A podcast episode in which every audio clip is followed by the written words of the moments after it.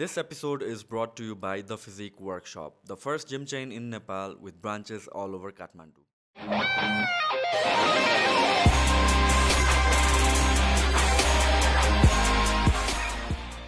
आजको हामीहरूको guest was Lalit Bahadur बस्नेतजी र उहाँ हामीहरूको first प्रेसिडेन्टसँग closely as a legal adviser work गर्नुभएको थियो नट ओन्ली द्याट उहाँले चाहिँ सेभेनवटा डिफ्रेन्ट प्राइम मिनिस्टरहरूसँग वर्क गर्नुभएको छ र उहाँले मेजोरिटी अफ मेन केसेसहरू जस्तो कि चुडामणि केस भयो कटुवाल प्रकरण भयो टुकुचा खोलाको केसहरू भयो यसो हाई प्रोफाइल केसहरू ह्यान्डल गर्नुभएको छ। एन्ड यो फेडरल सिस्टमको ल ड्राफ्ट गर्नको लागि पनि उहाँ क्लोजली इन्भल्भ हुनुभएको छ। So hope guys enjoy this podcast अलिकति लामो भएको छ but it is very insightful and again it was a very honest conversation जस्तो लाग्छ मलाई। So enjoy the podcast so first of all मलाई चाहिँ आज चाहिँ अस्ति हामीले अलिकति सानो गफ गऱ्यो। सानो भन्दाखेरि पनि डेढ घन्टा जस्तै गफ भयो होला मिटिङ खानै बिर्सेछु सो मलाई चाहिँ आज के के मात्र कुरा गर्नु जस्तो भएको छ अलिकति लामो हुन्छ होला कन्भर्सेसन ठिक छ। सुरुमा तपाईँको सानो इन्ट्रोडक्सनबाट सुरु गरौँ। तपाईँको एकदमै हेभिली इन्भल्भ हुन्छ मेजोरिटी अफ लाइक बिग केसेसहरूमा त्यो सँगैसँगै इभन लाइक अहिलेको जुन हाम्रो सिस्टम छ त्यसलाई क्लोजली तपाईँले वर्क गर्नुभएको छ इस्टाब्लिस गर्नमा। त्यो बाहेक अरू के केमा इन्भल्भमेन्ट छ तपाईँको? एउटा केस भयो तपाईँले भनिहाल्नु एउटा त ऊ भयो। अरू पनि अब धेरै कुराहरू हुनसक्छन् सामाजिक कुराहरू हुनसक्छन् होइन? अध्ययन अनुसन्धानका कुरा हुनसक्छन् होइन? है। यही पोलिटिकल सिस्टम शासन व्यवस्थाको हामी क्लोजली हेरिरहेको हुन्छौँ। अध्ययन गरिरहेको हुन्छौँ रिसर्च गरिरहेको हुन्छौँ समथिङ लिडरहरूलाई एडभाइस गरिरहेको हुन्छौँ रङ वेमा गयो भने यो गलत छ भने इभन फेसबुकमा स्ट्याटस लेखेर पनि हामीले एवार गरिरहेको हुन्छौँ होइन? आफ्नो कर्तव्य आफ्नो अनुभव आफ्नो ज्ञानलाई त समाजलाई दिइराखेका हुन्छौँ कुनै कुनै तरिकाबाट। सो यो जुन अहिले हामीले एउटा फेडरल सिस्टममा छौँ र योभन्दा अगाडि हामीहरूको जुन मोनार्कबाट हामीले चेन्ज गऱ्यो स्विच भएर आयौँ त्यतिखेर के कतिको इस्युज थियो? कतिको प्रब्लम थियो? किन भन्दा कम्प्लिटली डिफ्रेन्ट वे एउटा राज्य कसरी चल्छ एउटा कन्ट्री कसरी चल्छ त्यसको पोलिसिजहरू लिडर्सले फलो गर्ने हुन्छ नि अफिसियल्सहरूले फलो गर्ने ब्युरोक्रेट्सहरूले फलो गर्ने आई थिङ्क त्यो सबै नै चेन्ज भएर जान्छ होला। त्यो एउटा massive change in short such a short time हुँदाखेरि इस्युजहरू कस्तो आयो र त्यसलाई कसरी ट्याकल गर्न थाल्नुभयो? होइन तपाईँले सोध्न खोजेको क्वेसनमा मैले कहाँ गएँ भने दुई सय चालिस वर्षको गण राजतन्त्रको अन्त्यपछि गणतन्त्र भयो। संजोगले त्यो गण पहिलो राष्ट्रपतिको नजिक भएर काम गर्न पाएँ मैले।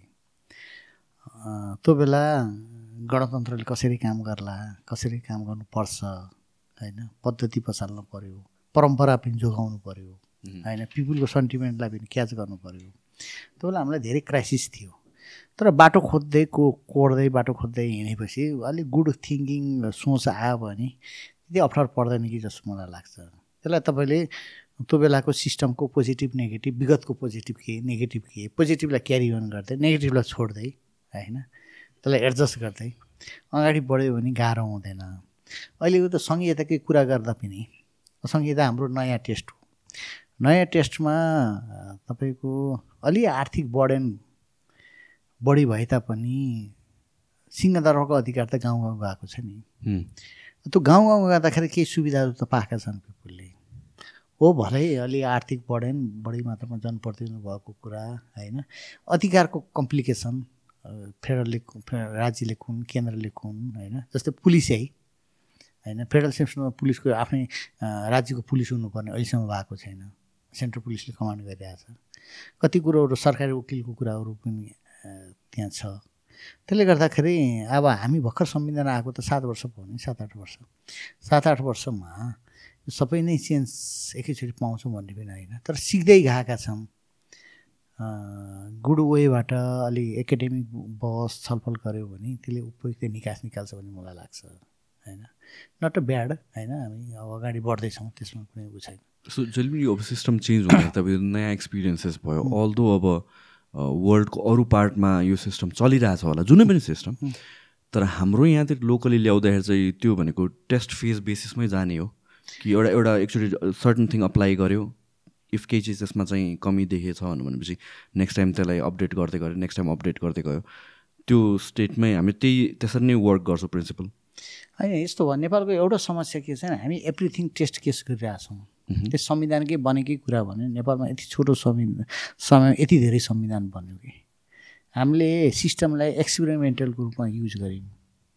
त्यो सिस्टमलाई डेप्थ लेभलमा कार्यान्वयन भएको छ छैन कार्यान्वयन गर्न सकियो सकिएन गर्नुपर्छ कि पर्दैन त्यो नगइकन थोरै एउटा कमी कमजोर हुने बित्तिकै हामी चेन्ज गर्नुपर्छ भन्ने मान्यता राखेका छौँ विगतको हाम्रो राजनीतिक सिस्टम पद्धतिको हिसाबले त्यो देखिन्छ।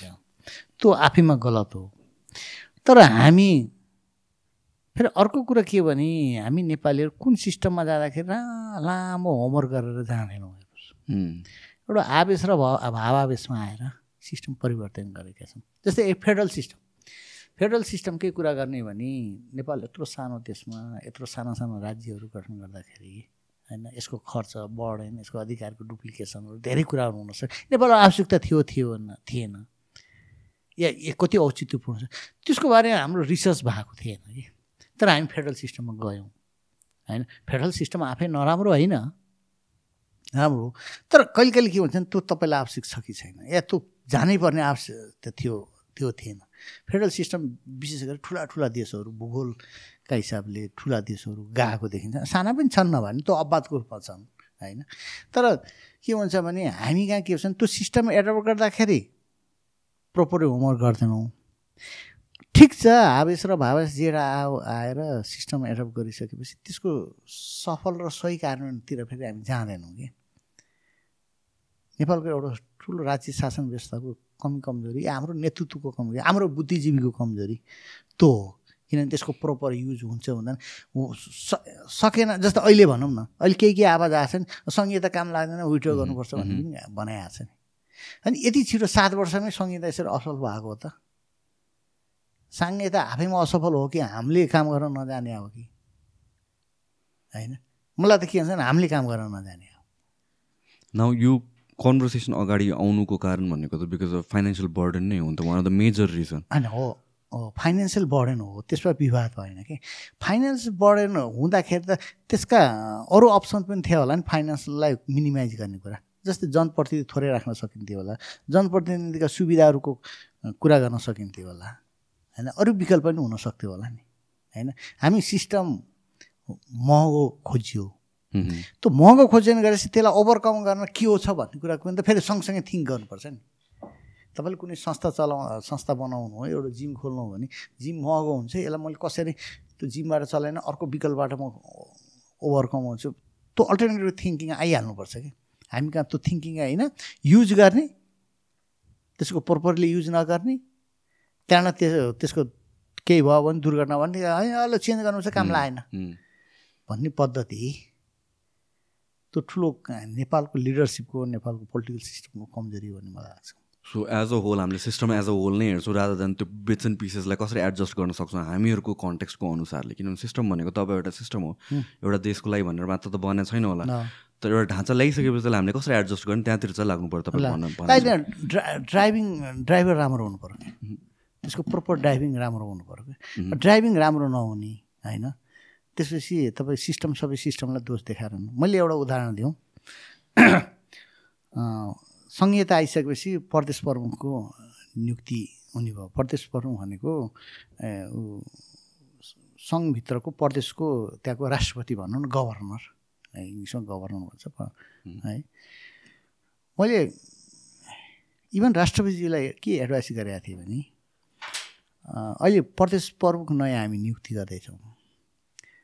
के गर्नु पऱ्यो भने शीतल निवासमा काम गरेका सहसचिवभन्दा माथिका मान्छेहरूलाई छ महिनालाई एक वर्षको लागि त्यहाँ पठाउँ पठायो भने उसले किनभने शीतल निवासको अध्ययन गरे छ त्यहाँ काम गरेको छ नि उसले केही अनुभव छ।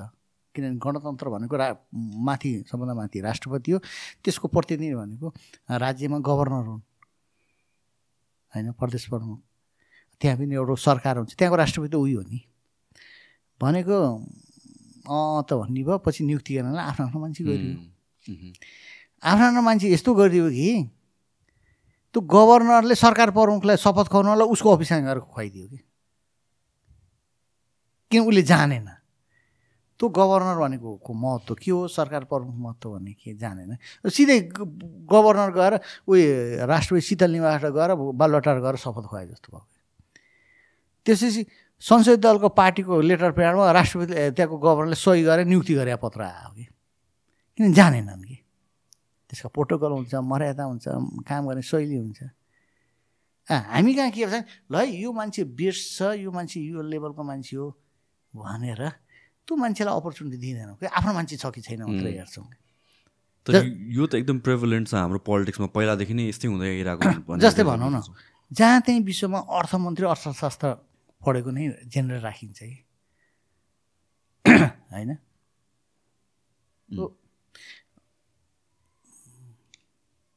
अर्थशास्त्र अर्थशास्त्र। तर सबै पार्टीमा अर्थशास्त्री छन् होला नि। पार्टीकै मान्छे भने तर हामी अर्थशास्त्री मान्छे खोजेनौँ कि? आफ्नो मान्छे खोज्यौँ कि? आफ्नो को विश्वासी हुन्छ कसलाई जागिर दिनुपर्छ अर्थशास्त्री खोजेनौँ कि? किन अर्थशास्त्र भनेको त अर्थशास्त्र त टेक्निकल विषय पनि हो नि। होइन? सो यो जस्तो कि यो सर्टन डिफ्रेन्ट डिफ्रेन्ट डिपार्टमेन्ट भनौँ न एउटा हिसाबले सिम्प्लिफाई गर्दा चाहिँ डिपार्टमेन्ट हेड भनेको चाहिँ एउटा एक्सपर्ट नै हुनुपर्छ जरुरी छ कि उसको अराउन्डमा जो क्याबिनेटमा उसको मान्छे हुन्छ उनीहरू एक्सपर्ट हुँदाखेरि पनि पुग्छ। छैन होइन सकेसम्म हेर्नु सम्बन्धित उसको हेर्दा डिपार्टमेन्टमा सम्बन्धित बिकिए नै खोज्नुपर्छ कि। हेड नै नभए त नभए त कमान्ड कसरी गर्न सक्छ। तपाईँले यो अहिले यो सञ्चार सञ्चालन गर्नुपर्छ। अलिअलि नो आउ भयो भने तपाईँलाई सहिलो हुन्छ नि। अहिले फेरि मान्छे खोज्नुपर्छ बढी खर्च भयो। तर सकेसम्म एक्सपर्टै खोज्नुपर्छ कि? होइन? हामी कहाँ त्यो चलन छैन आफ्नो मान्छे खोज्ने आफ्नो पार्टीको मान्छे खोज्ने। होइन? त्यो भित्र पनि राम्रो मान्छे ल्याउँ भन्ने छैन कि? त्यो नहुँदाखेरि देशले दुःख पाउँछ लास्ट अल्टिमेटली ब्याकवर्ड हुन्छ। त्यसले गर्दाखेरि हामीमा लिडरसिपको थिङ्किङमा नै धेरै कमजोरी म देख्छु। सो फेडरल सिस्टममा हामीले ल फाइनेन्सेसलाई साइडमा राख्दैछौँ एकछिन होइन? त्यो बाहेक जुन फङ्सनालिटी छ होइन? किनभने यो त एउटा हिसाबले त अथोरिटिज इन्सपेक्सन एभ्रिथिङ डिभिजन होस् भनेर। किनभने हाम्रो अहिलेसम्म भइरहेको पनि प्रब्लम त्यही देख्छु कि जुन डेभलपमेन्टको मोडल छ जे डेभलप भएछ काठमाडौँमा त डेभलप भएछ नि त वे जो पनि अपर्च्युनिटीको लागि यहीँ आउनुपर्छ त्यो नहोस् भनेर हामीले एउटा हिसाबले गभर्नेन्सको पोइन्ट अफ भ्यूबाट फेडरल सिस्टममा गयो। सो फेडरल सिस्टमको वर्किङ मोड्युल हेर्ने हो भने फाइनेन्सेसलाई छोडेर के इस्युज छ त्यसमा? कि हामीले अझ स्टिल त्यसलाई युटिलाइज गर्न नजाने हो? होइन दुइटा पार्ट हो। अहिले पनि सेन्टरले फेडरल उसलाई तलकोलाई अधिकार दिन हिचिचाइरहेछ ओके होइन? हिचिचाइरहेछ होइन? अब त्यो कुरा सोचमा परिवर्तन। जब तपाईँले फेडरल सिस्टमलाई तपाईँले अंश दिइसकेपछि त त्यो छोरालाई त अंश दिएपछि सबै अथोरिटी दिनु पऱ्यो नि। अंश पनि दिन्छु भने नि होइन? तैँले अरू सबै कुरा मलाई सोच नसोचिनु भन्न त भएन। एउटा दिए निश्चित अधिकार दिएपछि त्यसको सही उपयोग गर्ने दिनु पऱ्यो फेरि अर्को कुरो फेडरलमा गइसकेको कुरा त्यो जनशक्ति पनि क्रिएट भइरहेको छैन कि? फेडरल कसरी फङ्सन गर्छ कसरी फङ्सन गर्ने भन्ने कुरो उनीहरूलाई पनि थाहा छैन होइन? किन हामी फेडरल सिस्टममा अलिक हतारमा गयौँ कि भन्ने जस्तो लाग्छ। यो पोइन्टमा हेर्दाखेरि चाहिँ तपाईँलाई फेडरलमा जानु राइट डिसिजन थियो जस्तो लाग्छ कि लाग्दैन? होइन राइट डिसिजन थियो थिएन भनेको त्यो एकाडेमिक डिस्कस हुन्छ त्यो म राइट भन्नुला रङ भन्नुला त्यो आफ्नो ठाउँमा छ। तर हामी गइसक्यो हामी हामी यसलाई रङ भनेर भनेर झन् झन् कन्फ्युजन क्रिएट गर्छौँ कि। होइन? त्यो बेलामै जानी नजानी भयो भनेको चाहिँ एउटा डिबेट हुन्थ्यो कि। होइन?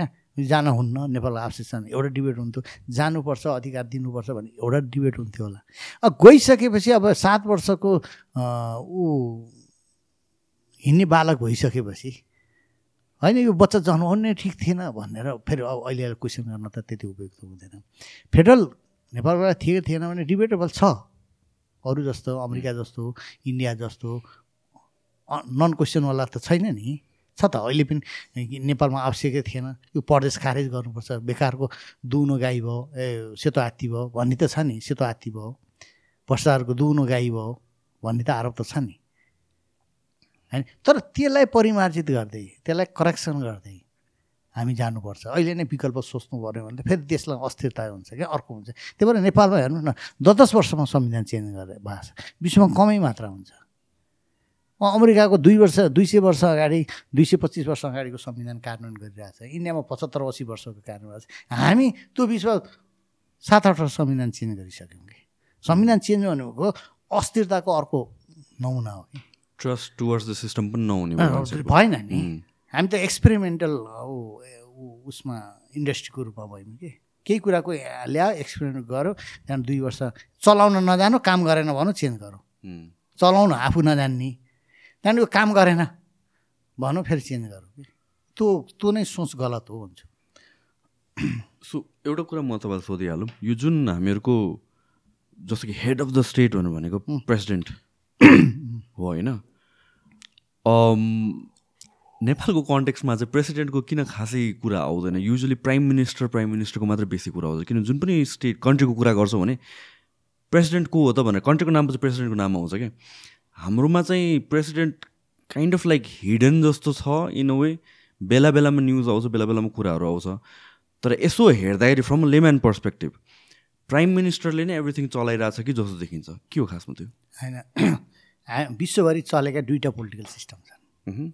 एउटा एक्जिक्युटिभ प्रेसिडेन्ट जहाँ तपाईँले सधैँ प्रेसिडेन्टको कुरा आउँछ भनेपछि त्यो त्यो भनेको एक्जिक्युटिभ प्रेसिडेन्ट हो। अमेरिकामा चाइनामा अरूमा। तपाईँले बेलायतमा महारानीलाई दुई वर्षमा एकचोटि देख्नुहुन्छ होला। त्यो त हेड अफ द स्टेट त हो नि। जापानमा अहिले पनि तपाईँलाई त्यहाँको उसको हेड अफ द स्टेटको नाम थाहा छैन होला।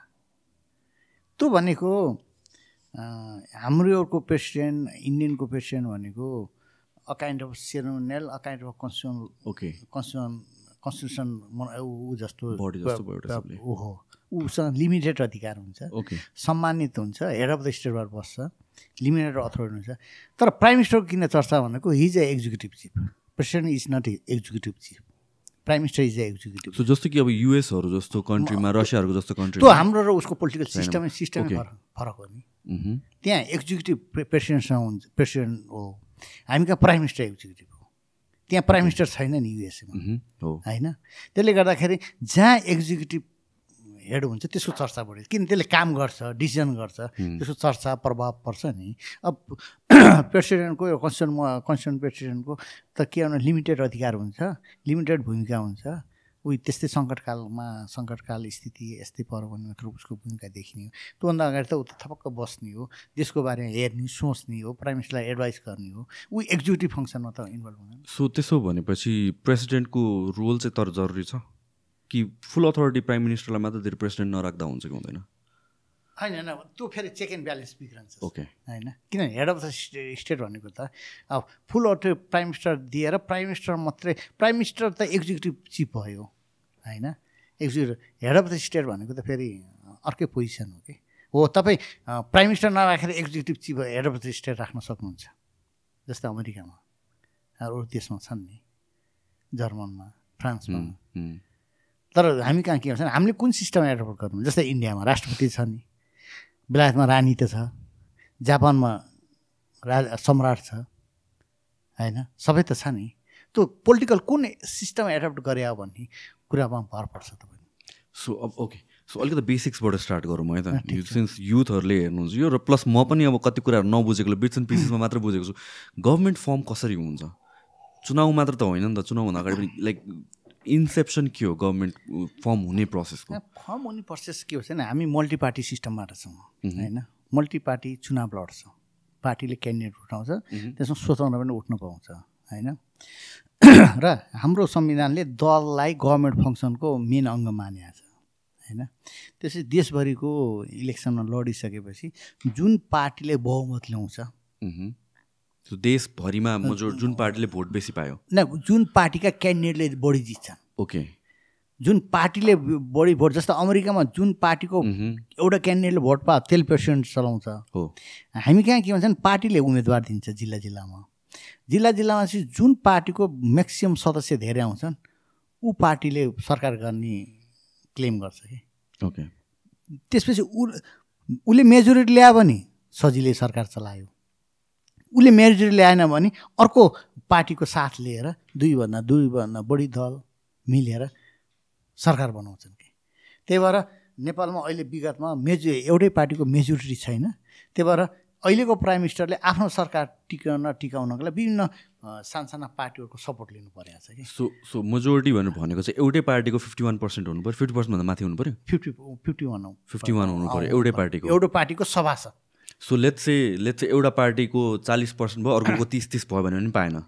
पाएन पाएन। न पायो तर तिसले सपोर्ट गरिदिनु पऱ्यो ओके सो जे होस् फिफ्टी वान पर्सेन्ट उसको फेभरमा चाहिँ हुनै हुनै पर्छ। सो यो विश्वासको मत भन्ने कुरा पनि त्यही त्यही हो। ए। विश्वासको मत भनेको एकाउन्न पर्सेन्टले तँलाई विश्वास गर्नु पऱ्यो। तँलाई एकाउन्न पर्सेन्टको संसदले विश्वास गरे मात्रै यो सत्ता चलाउनु पाउँछ सरकार बनाउनु पाउँछस् भने। ओके सो सांसदहरू त्यहाँबाट चाहिँ सेलेक्ट हुने भयो। हाम्रो लोकल लेभल अफ इलेक्सन्सबाट चाहिँ होइन हाम्रो लोकल लेभल इलेक्सनमा अर्को पाटोमा जान्छ। होइन समानुपातिकदेखि लिएर।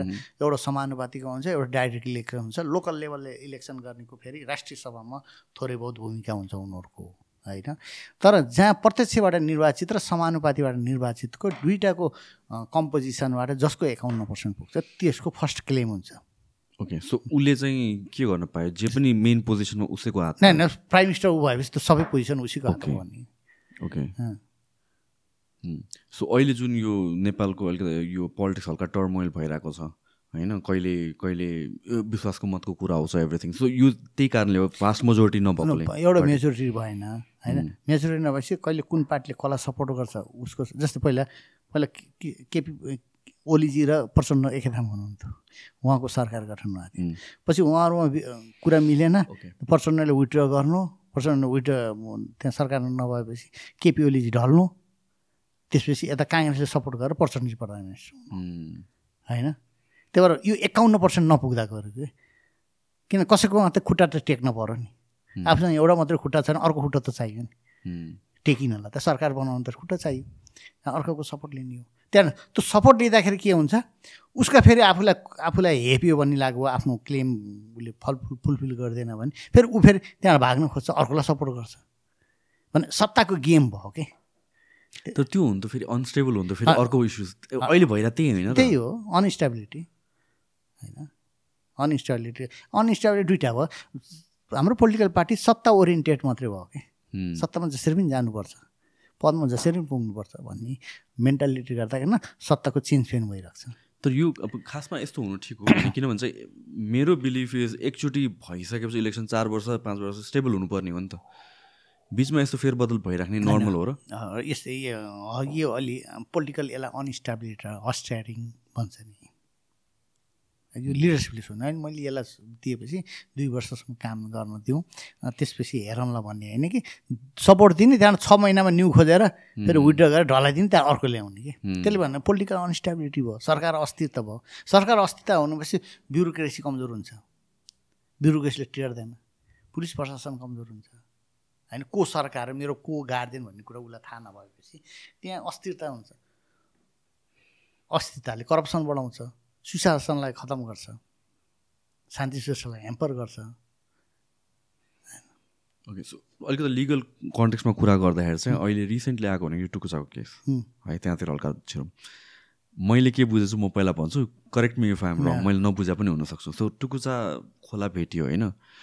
अब अहिले मैले सुने अनुसार र मैले बुझे अनुसारले चाहिँ त्यो जुन अराउन्डको सराउन्डिङ एरिया छ खोलाको बाटो त्यसलाई चाहिँ अब त्यो ल्यान्डलाई चाहिँ एज गभर्मेन्टको ल्यान्ड भनेर फिर्ता लिने टाइपको कुरा छ।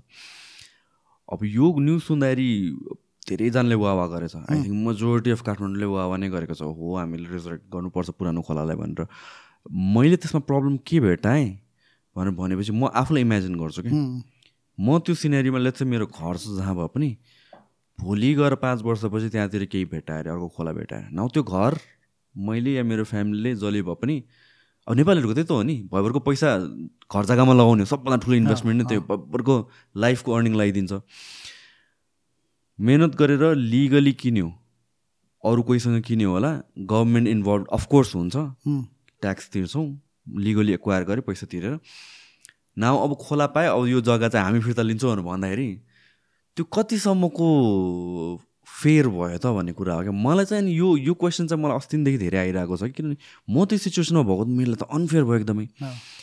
कि इक्वल अमाउन्ट अफ कम्पन्सेसन पाउनुपर्ने हो मैले। अब again fair level of compensation भन्ने कुरा छ कि छैन? मार्केट भ्याल्यु अनुसारले। त्यो एउटा कुरा पाउनु पऱ्यो मैले। त्यस्तै काइन्ड अफ अर्को ठाउँमा जग्गा किन पाउने गरिकन। अर भनेर भनेको चाहिँ यो कुन बेला फेयर हुन्छ भने चाहिँ मैले त्यो जग्गा चाहिँ इल्लिगली अक्वायर गरेको भएँ। मैले कब्जा गरेको अँ, भएँ। तर यो सिचुएसनमा त मान्छेले लिगली एक्वायर गरे पनि छ कम्पन्सेसनको कुरा पनि सुनेको छुइनँ कि। भनौँ भनेपछि त्यो ग्रुप अफ पिपल जसले चाहिँ आफ्नो भयभरको लाइफको इन्भेस्टमेन्ट त्यो घर बनाउनमा गर्यो उहाँहरूलाई चाहिँ के हुन्छ? अब यो राइट क्वेसन गर्नु यो टुकुचाको खुब विवाद आयो। विवाद आयो म त्यसको लयर पनि हो। होइन? Mhm. टुकुचाको नगरपालिका विरुद्ध लडे लयर पनि हो। कुरा के हो भने आज टुकुचा लगभग लगभग सत्तरी वर्ष अगाडिदेखि टुकुचामाथि घर बनिएको छ होइन? कुनै बेला खोला खोल्सा थियो होला। होइन? र कुनै पनि नापी नक्सामा त्यहाँ खोला छ भन्ने कुरा देखिँदैन। जुन राज्यले गर्छ नापी छ नि नापीमा यहाँ खोला छ खोल्सा छ यो सार्वजनिक जग्गा हो यो प्राइभेट जग्गा भनेर नापीले क्लियर गर्छ कि? त्यहाँ कहीँ पनि टुकुचामा खोला छ यो सार्वजनिक जग्गा हो भनेको छैन। ल ठिक छ खोला बग्या छ पानी बग्या छ एकछिन हामीले खोला मानौँ। तर राज्यले त्यहाँ प्रपर्टी किन्न किन दियो त? होइन? न सत्र साल न चौबिस साल न ब सालमा कहीँको नाफीमा तपाईँ हेर्नुहुन्छ भने त्यहाँ सार्वजनिक जग्गा हो भन्ने कुरा खोला हो भन्ने कुरा देखिँदैन। त्यसपछि त्यहाँ के हो भने ढल दरबारको उसको याकेन यतिको निर्वाचन आयोगको सबैको ढल त्यहाँ आयो। आएपछि त्यो ढल छोप्यो दुर्गन्ध भएर छोप्यो। छोपेपछि त्यो चाहिँ प्लेन जग्गा भयो। प्लेन जग्गा भइसकेपछि त्यो बेला सार्वजनिक जग्गा त धेरै थियो नि. होइन? त्यसलाई जताततै सार्वजनिक जग्गा थियो। जस्तै सार्वजनिक जग्गा भनेको अमेरिकाले यहाँबाट मान्छे किन लिएर गएको छ भने सार्वजनिक जग्गा बस्ती बसाल्न लिएर गएको छ। होइन? अब त्यो बेला राज्यले अब के कारणले राज्यको मिस्टेक हो? मिस्टेक भने विबन्धन। पऱ्यो नि उसले त त्यहाँ जग्गा किन्न दियो राज्यले जग्गा बेच्यो। कतैबाट त किने नि?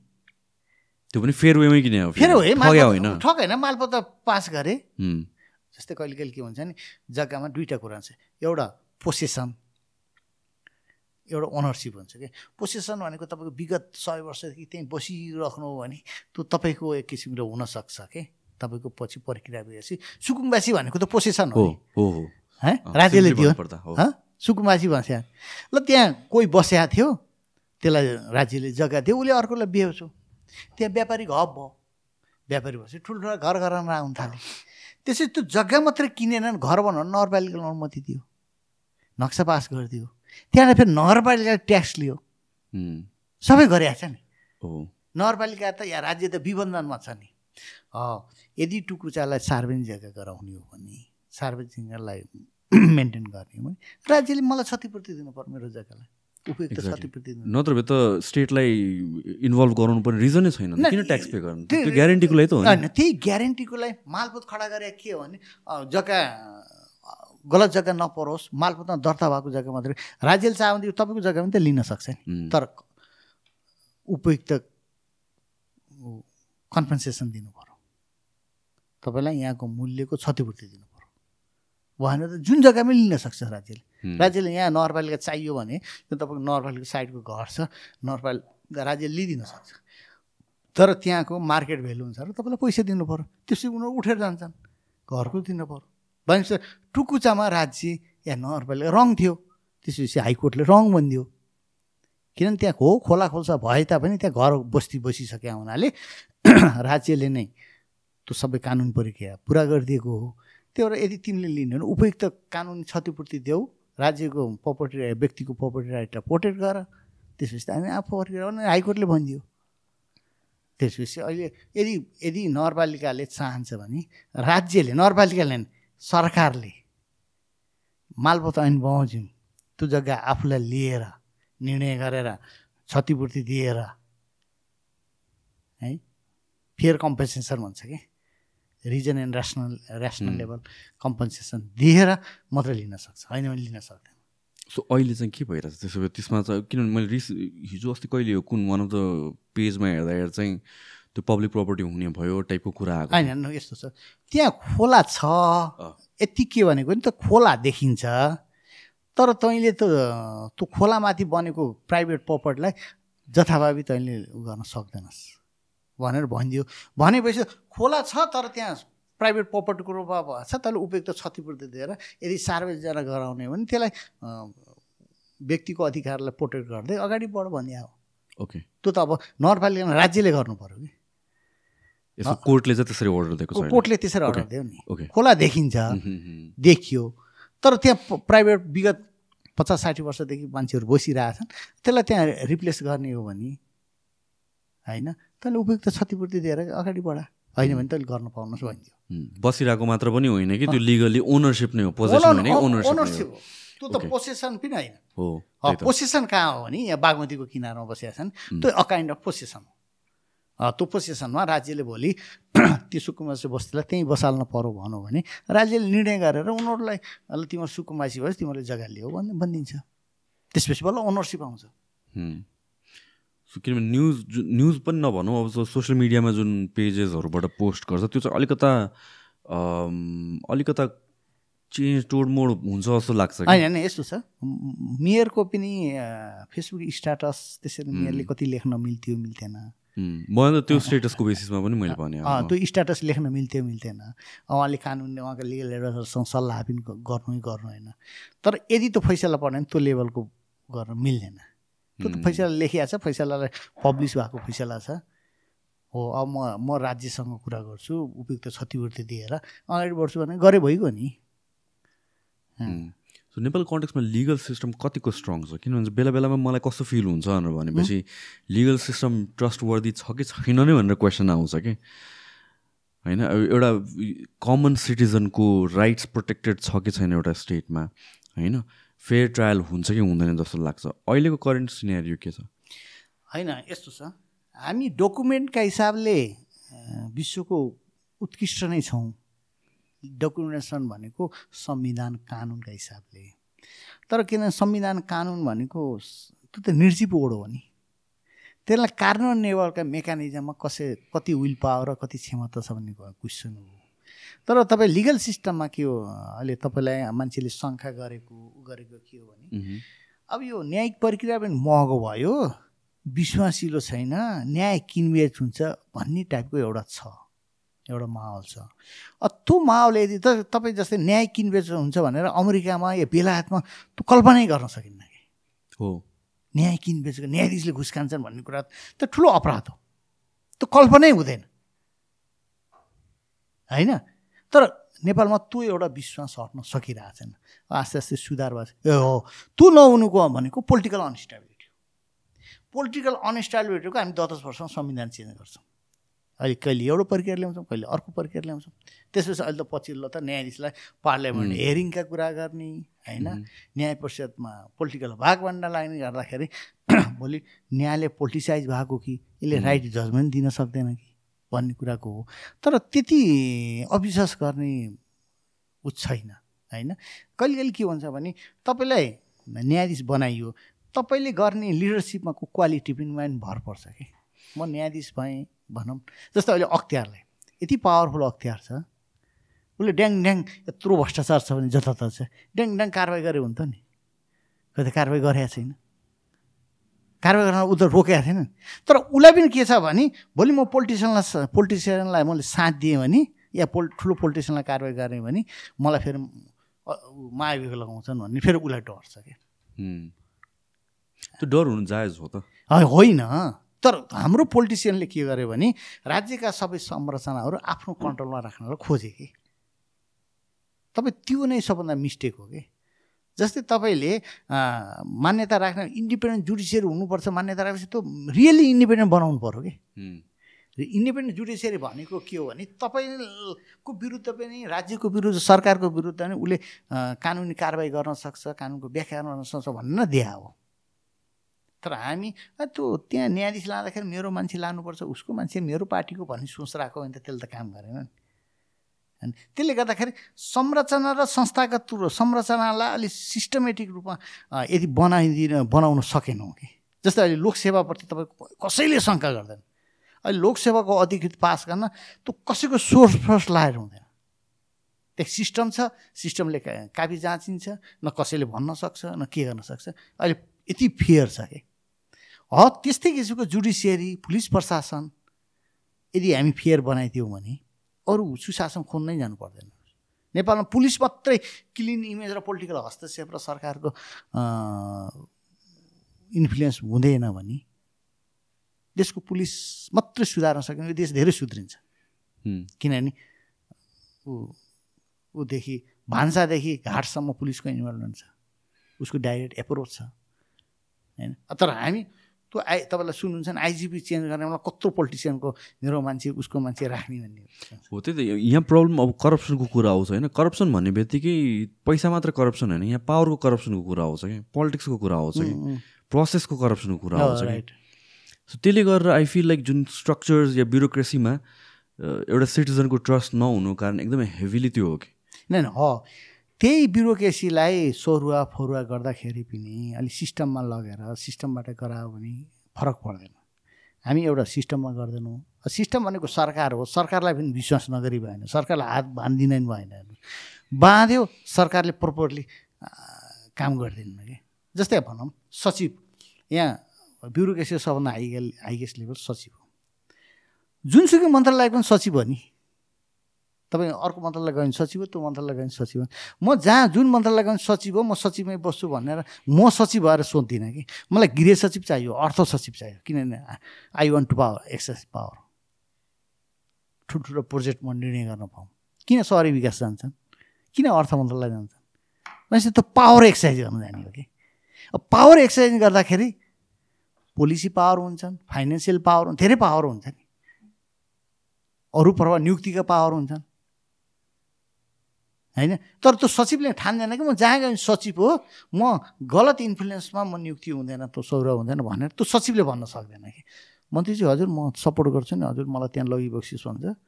त्यहाँ मन्त्रीले पनि ला आउनुहोस् भनेर जान्छ त्यहाँबाट काम लगाउँछ। यो गर्नुहोस् ऊ गर्नुहोस् यो मेरो मान्छेलाई नियुक्ति दिनुहोस् यो ठेक्कापट्टा पारिदिनुहोस् उसलाई पारिदिनुहोस् भन्छ। म सचिवले नचाहने पोलिटिसियनले घुस खान सक्दैन सचिवै माध्यम हो कि? तर यहाँ के हुन्छ भने मै सरेन्डर गरेपछि मै लोभ लालचमा भएपछि म सचिव भएको मान्छे देशको ब्युरो टपमा भएपछि त्यसो कोबाट तपाईँ अपेक्षा गर्न सक्नुहुन्छ? सो यो अब यो करप्सनकै केसमा पनि आई मिन नेपालमा किन यो एउटा भनौँ न नट जस्ट एउटा डिपार्टमेन्टमा करप्सन छ भनेर त सबैलाई थाहा भएको कुरा हो नि त। यो यस्तो करप्सन भन्ने वर्ड र करप्सन भन्ने प्रोसेस किन यसरी सजिलो लिएको र किन यसरी धेरै ठाउँमा देखिन्छ कि एभिडेन्ट किन छ? इज इट लाइक हाम्रो सोसियल स्ट्रक्चरिङ नै त्यसरी भएर आएको हो कि? एउटा कुरा के छ नि दुइटा कुरा एउटा करप्सन प्रिभेन्सन करप्सनको कारवाही गर्ने निकाय अलिक इफेक्टिभ भएन कि एउटा कुरा। अर्को कुरा सोसाइटीले पनि करप्सनलाई इन्करेजिङ गरेको हो कि जस्तो लाग्छ। किनभने तपाईँले अहिले पैसा पदमा गएर पैसा गर्ने त्यसले त केही कमाउनै सकेन भन्छन् नि। ए यो त यत्रो जाहिर खा केही कमा एउटा बाध्यताको करप्सन घर खर्च चलाउनलाई गर्ने ए अर्को फेरि सोसियल स्ट्याटसबाट गर्ने करप्सन होइन?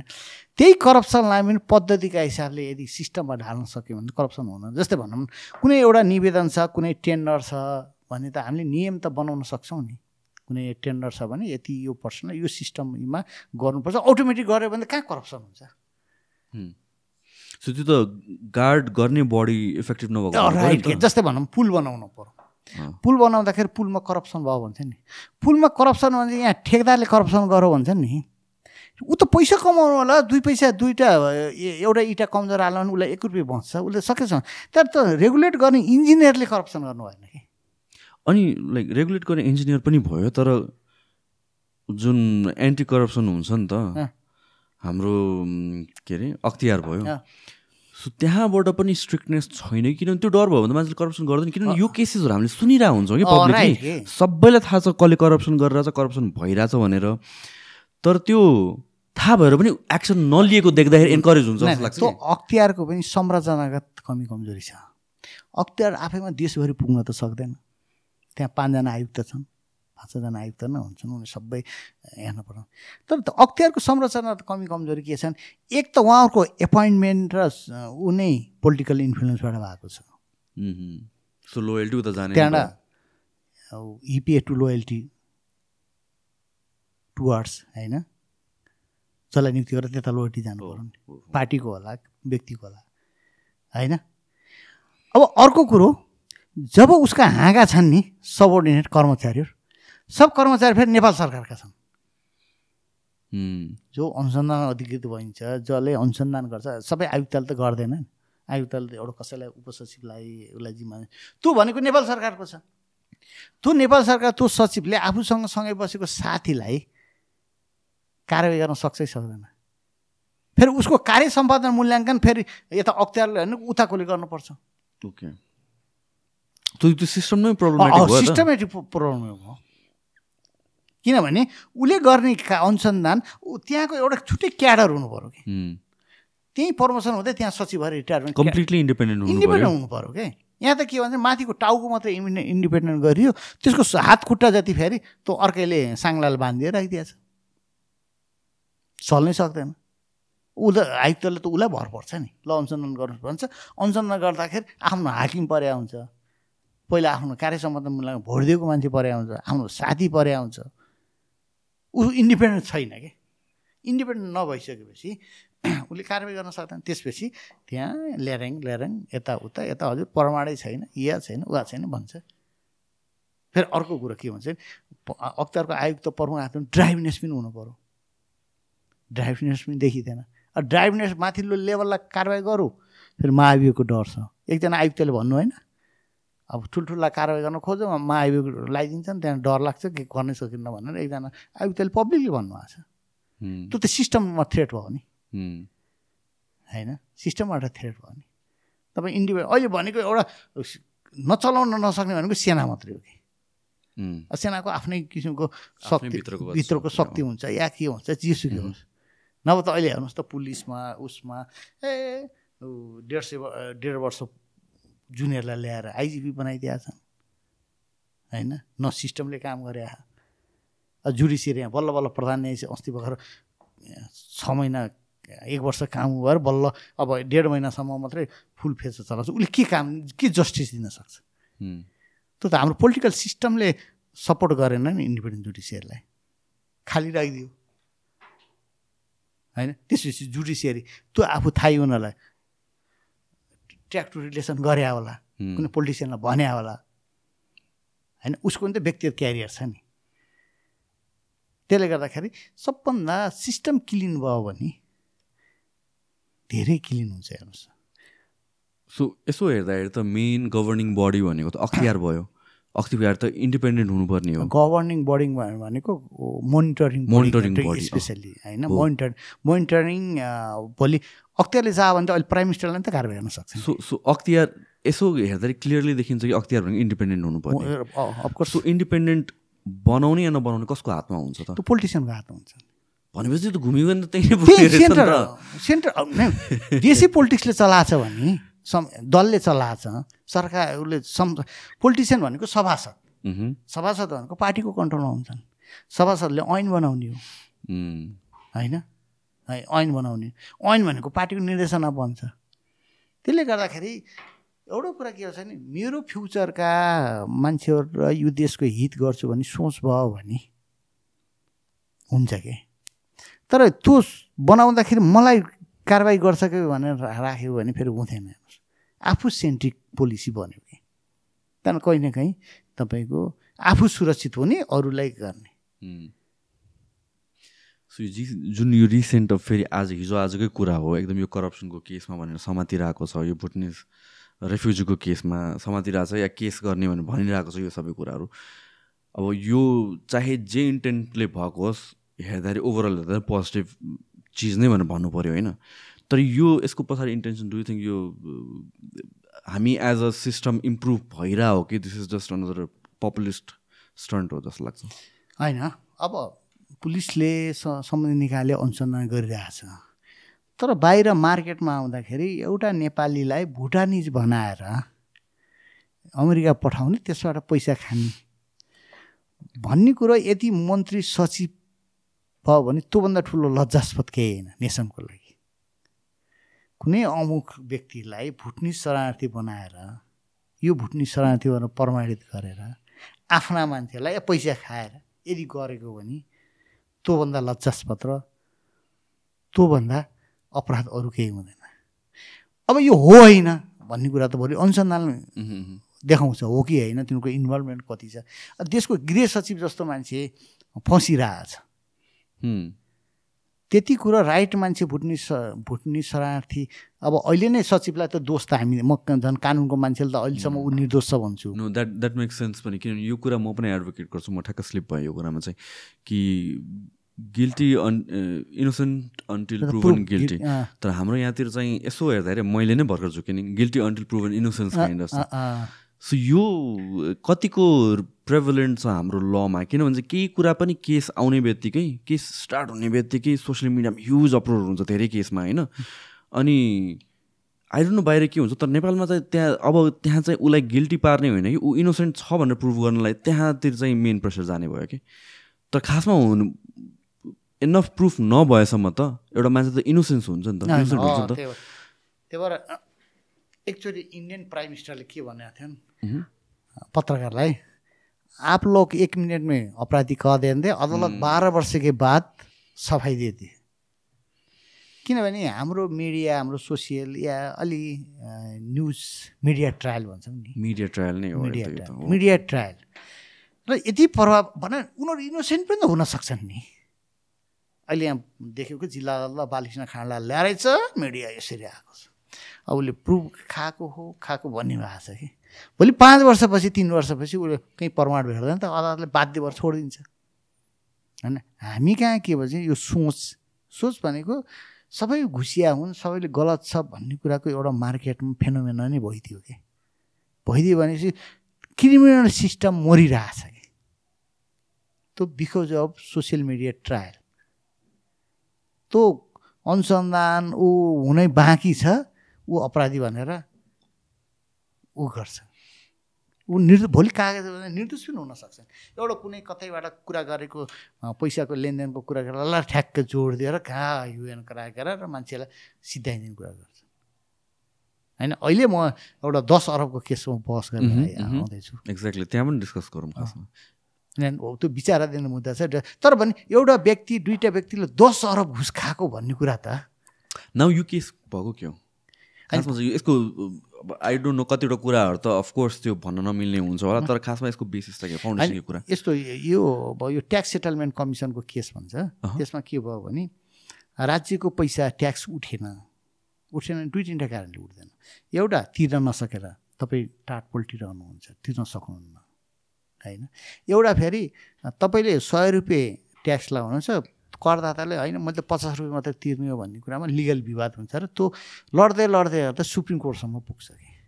सुप्रिम कोर्ट पुगिसकेपछि त्यो इस्यु त्यहाँ गएर होल्ड भएर बस्छ कि। पैसा होल्ड भएर बस्छ कि।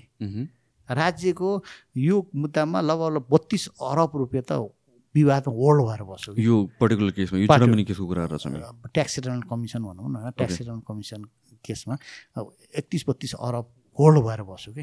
तर राज्यले एउटा ऐन बनाएर के भन्छ यसलाई दुईवटाद्वारा वार्ताद्वारा छलफल गराएर कति उठ्न सक्छ उठाउनु पऱ्यो किनभने होल्ड भएर बस्यो भनेपछि एउटा अधिकार सम्पन्न आयोग गठन गर्यो। सो कसको बिचमा वार्ता हुन्छ? ट्याक्स पे गर्नुपर्ने मान्छे र मान्छे र पहिला कर अधिकृतले उसलाई ट्याक्स लाउँछ तैँले यति तिर्नुपर्छ भन्छ कर अधिकृतले लाउँछ। हो। त्यहाँबाट कर अधिकृत लगाएपछि उसले म तिर्न सक्दिनँ भन्छ एउटा।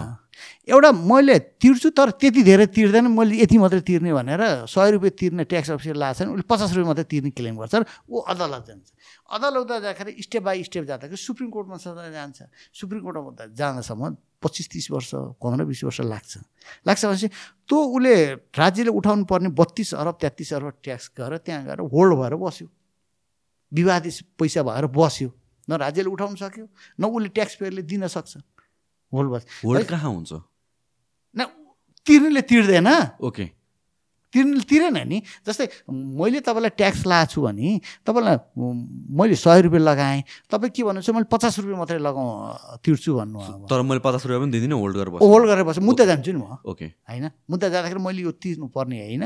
भनेर मुद्दा जान्छु। मुद्दा गएपछि कोर्टले यसो हेर्छ। होइन? अहिले तत्काललाई किन ट्याक्स दिने अहिले उ गरेर दिन्छ। त्यहाँदेखि लिन सक्दैन। अर्को कुरो तपाईँ यो जिम खोल्नु भएको छ ट्याक्स तिर्नु छ तर तपाईँको जिम टाटपल्ट भनौँ न उसमा गयो होइन? विभिन्न कारणले होला गयो।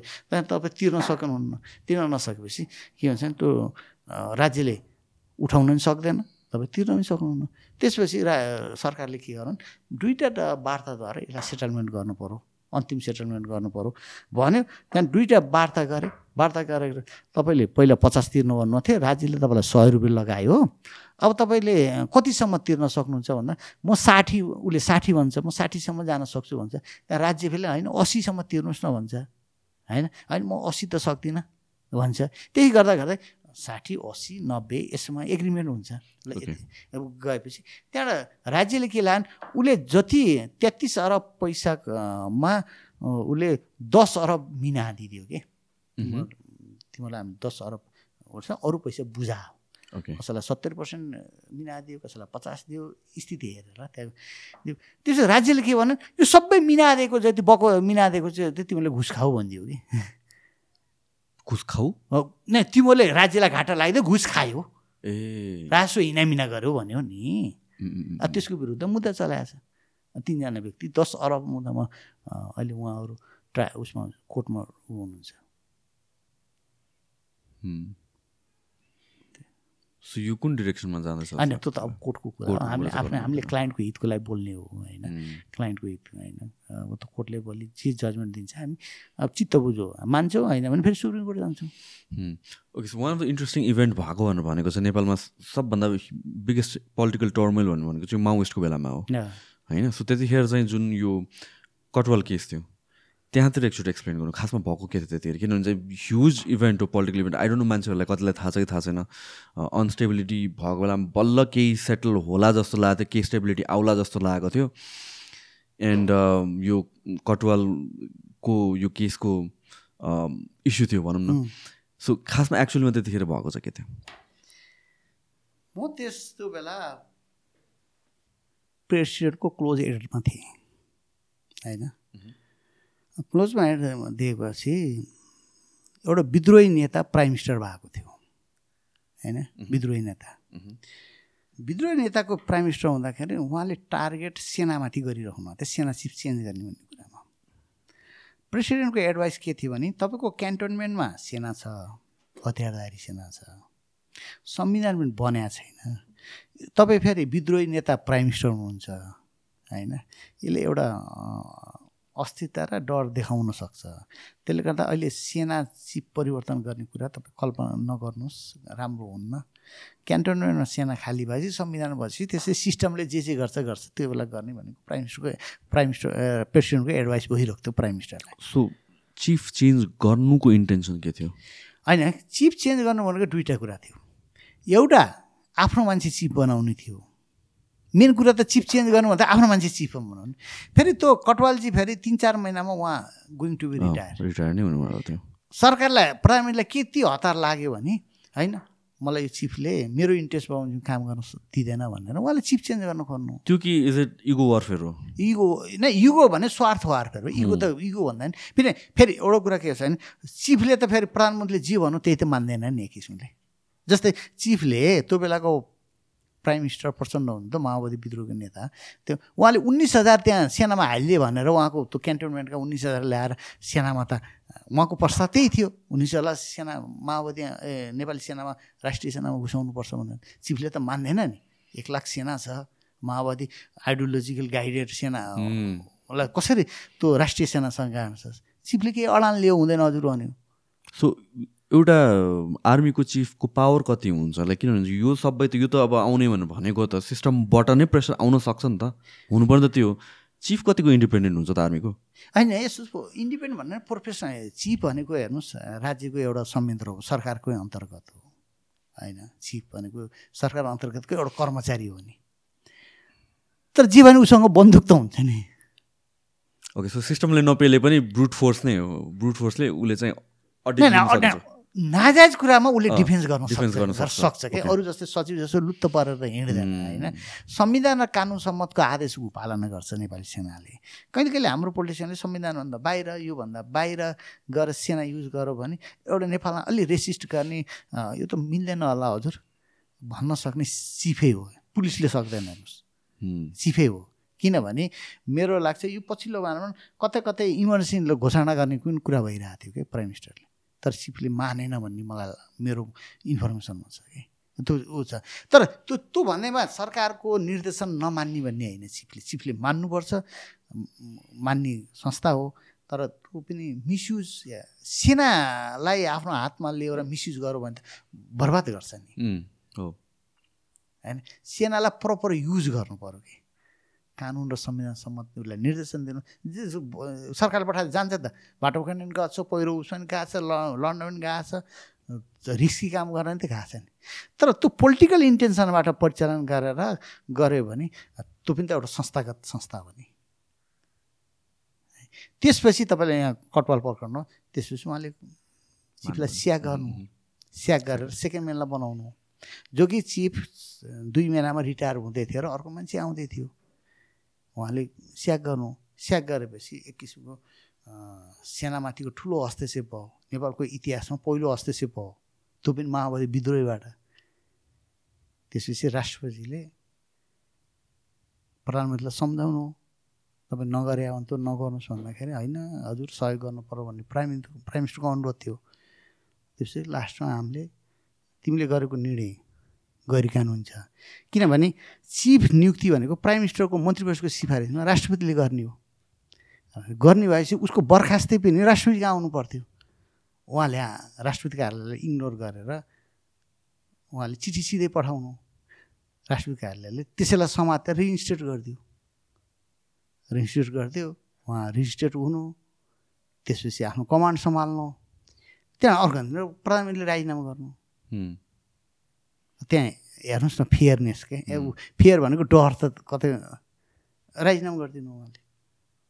मैले क्वेसन गरेँ अब हजुर एउटा विशिष्ट श्रेणीको कर्मचारी गर्दाखेरि होइन राजीनामा किन गर्नु पऱ्यो हजुरले?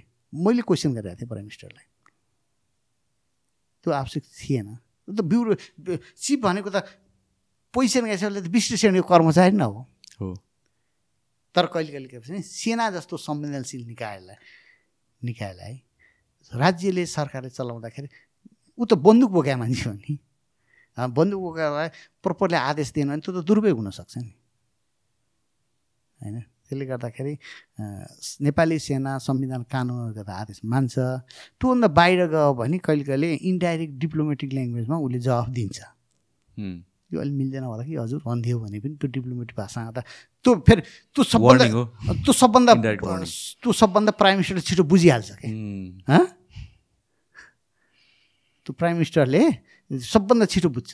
यो चिफले भनेर ऊ ऊ आफै त्यसलाई माइल्युट गरेर रियाक्सन गरेर ल त्यसो अहिले अहिले नगरौँ चिफ साहब फेरि फेरि पऱ्यो भने हुन्छ हुन्छ हजुर तर संविधान कानुन होस् है भनिदिन्छ उसले। त्यो त्यो उसको लागि डिप्लोमेटिक ल्याङ्ग्वेजमा तिम्रो जथाभावी आदेश मान्दिनँ भने हो। भोलि सेना दुरुपयोग गऱ्यो भने त बर्बाद हुन्छ त। जस्तो अहिले मान्छे मानौँ कल्पना गर्नु अहिलेको प्राइम मिनिस्टरले सङ्कटकाल घोषणा गर्नु। तपाईँले केही देख्नुहुन्न सङ्कटकालका रिक्वायरमेन्ट देख्नु? तर ठोक भने आदेश गऱ्यो भने चिफले के गर्ने ल? एकातिर कानुनले मन्त्री परिषदको निर्णय मान्नुपर्ने भन्ने छ। त्यो मन्त्री परिषदको निर्णय यस्तो अविवेकी छ कि दिउँसोलाई रात भनिदियो त्यो चिफले सम्झाउँछ। हजुर अलिक मिल्दैन कि? होइन। भोलि त ऊ पनि त ह्युमन राइटको कठघरा जान्छ नि। सङ्कटकाल लाउनु भनेको त बाटा देखेको केही गऱ्यो भने त उसले फोर्स प्रयोग गर्छ नि। अन्तिम फोर्स प्रयोग गर्छ नि। सङ्कटकाल भनेको राज्यको अन्तिम फोर्स हो कि? उम्, उसले टेरेन भने गोली हान्छ। होइन? त्यो भएपछि त फेरि ह्युमन राइटको भाइलेसन हुन्छ। त्यही भएर सेना भनेको संवेदनशील हो। र यसलाई प्रोपरली संविधान कानुनसँग चलाए चल्छ। चलेन भने आफ्नो डिप्लोमेटिक भाषामा रेसिस्ट गर्छ। सो त्यतिखेर यो सिचुएसन कतिको सेन्सिटिभ थियो? भयङ्कर सेन्सिटिभ थियो नि त्यतिखेरको सिचुएसन त के थियो भने प्राइम मिनिस्टर विद्रोही नेता छ। विद्रोही नेताको कमान्डको कन्ट्रोलमा उन्नाइस हजार सेना क्यान्टोनमेन्टमा छ। भोलि सेना बाहिर आउँछ क्यान्टोनमेन्टबाट होइन? त्यो आएपछि नेपाली सेनाले फेरि त्यसलाई रोक्न जानु पऱ्यो रोक्न जानु त कुन खराब हुन्छ। त्यो हामी शीतल निवासमा बस्ने मान्छेले ठुलो टेन्सन भयो हो या त्यही भएर हामी सेनालाई के भन्थ्यौँ भने हेर्नुहोस् है संयम संयम। एग्रेसिभ हुने होइन। आफू सुरक्षित हुने भने सन्जोगले त्यो बेला क्यान्टोनमेन्टबाट बाहिर निस्कन निस्केन। सेनाले अलि फोर्स पनि प्रयोग गर्नु पर्यो। त्यसपछि सेटलमेन्ट हुँदै गयो। प्राइम मिनिस्टरले आफै गल्ती रियलाइज गर्नु। अहिले पनि भन्नुहुन्छ नि प्राइम मिनिस्टरले। अँ कटवाल प्रकरणमा मेरो ठुलो मिस्टेक भयो मिस्टेक भयो तँ गल्ती गल्ती भयो। भन्नुहुन्छ त। गल्ती त गरे रहेछ नि। हो सेना जुडिसियरी भनेका राज्यका संवेदनशील निकाय हुन् र अन्तिम निकाय हुन् कि फेरि। संवेदनशील मात्रै होइन अन्तिम। सेनामा सत्ता जाने सेनामा पावर र सेना युज गर्ने भनेको त अन्तिम अधिकार युज गरे हो नि। त्यो भएर सकेसम्म सेना जुडिसियरी जुडिसियरी पनि अन्तिम भन्नु उसले बोलेपछि अन्तिम हुन्छ नि। यस्ता संवेदनशील निकायमा नियुक्ति गर्दा त्यसलाई चलाउँदाखेरि त्यो जिम्मेवार व्यक्तिले विवेक प्रयोग गर्नुपर्छ। होइन भने देशले दुर्घटना खेप्छ। नाउ अब अहिले सिटिजनहरू कम्प्लिटली डिभाइडेड छ। कतिले भन्छ कि गभर्मेन्ट जुन अहिलेको सिस्टम छ त्यही नै चल्नुपर्छ भन्छ। कतिजनाले भन्छ मोनार्की चाहिन्छ फर्केर आउनुपर्छ भनेर भन्छ। कतिजनाले भन्छ सेनाले टेक ओभर गर्नुपर्छ भनेर भन्छ कि त्यो स्टेटमेन्ट कतिको लजिकल छ? होइन त्यो यस्तो हो। त्यो कहिले कहिले त फ्रस्ट्रेसनको रियाक्सन हो हेर्नुहोस्। तपाईँले एउटाले डेलिभरी दिन सकेन भने त्यसको रियाक्सन आउँछ होइन? अहिले मोनार्की पनि आउँछ भन्नेमा म विश्वस्त छैन। किनभने मोनार्की वीरेन्द्रपछि आफ्नै कारणले मोनार्की उसमा गएको होइन? अब भनौँ न अलिक मोनार्की आयो भने राजा ज्ञानेन्द्र आउने होला पारस आउने होला को होला होइन? त्यो मैले सम्भव देख्दिनँ। फ्रस्ट्रेसनबाट अभिव्यक्त किनभने एउटा राजा थियो धेरै राजा भयो भनेको तिमीले खर्च धेरै गर्यो महँगो भयो जथाभाइ नगर भने न हो।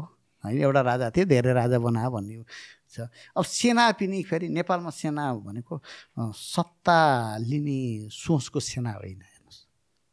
त्यो पहिला राजाको थियो राजाप्रति लोयल थियो। अहिले नेपाल सरकारको सेना छ नेपाल सरकारप्रति लोयल छ। होइन नेपाली सेना व्यावसायिक छ।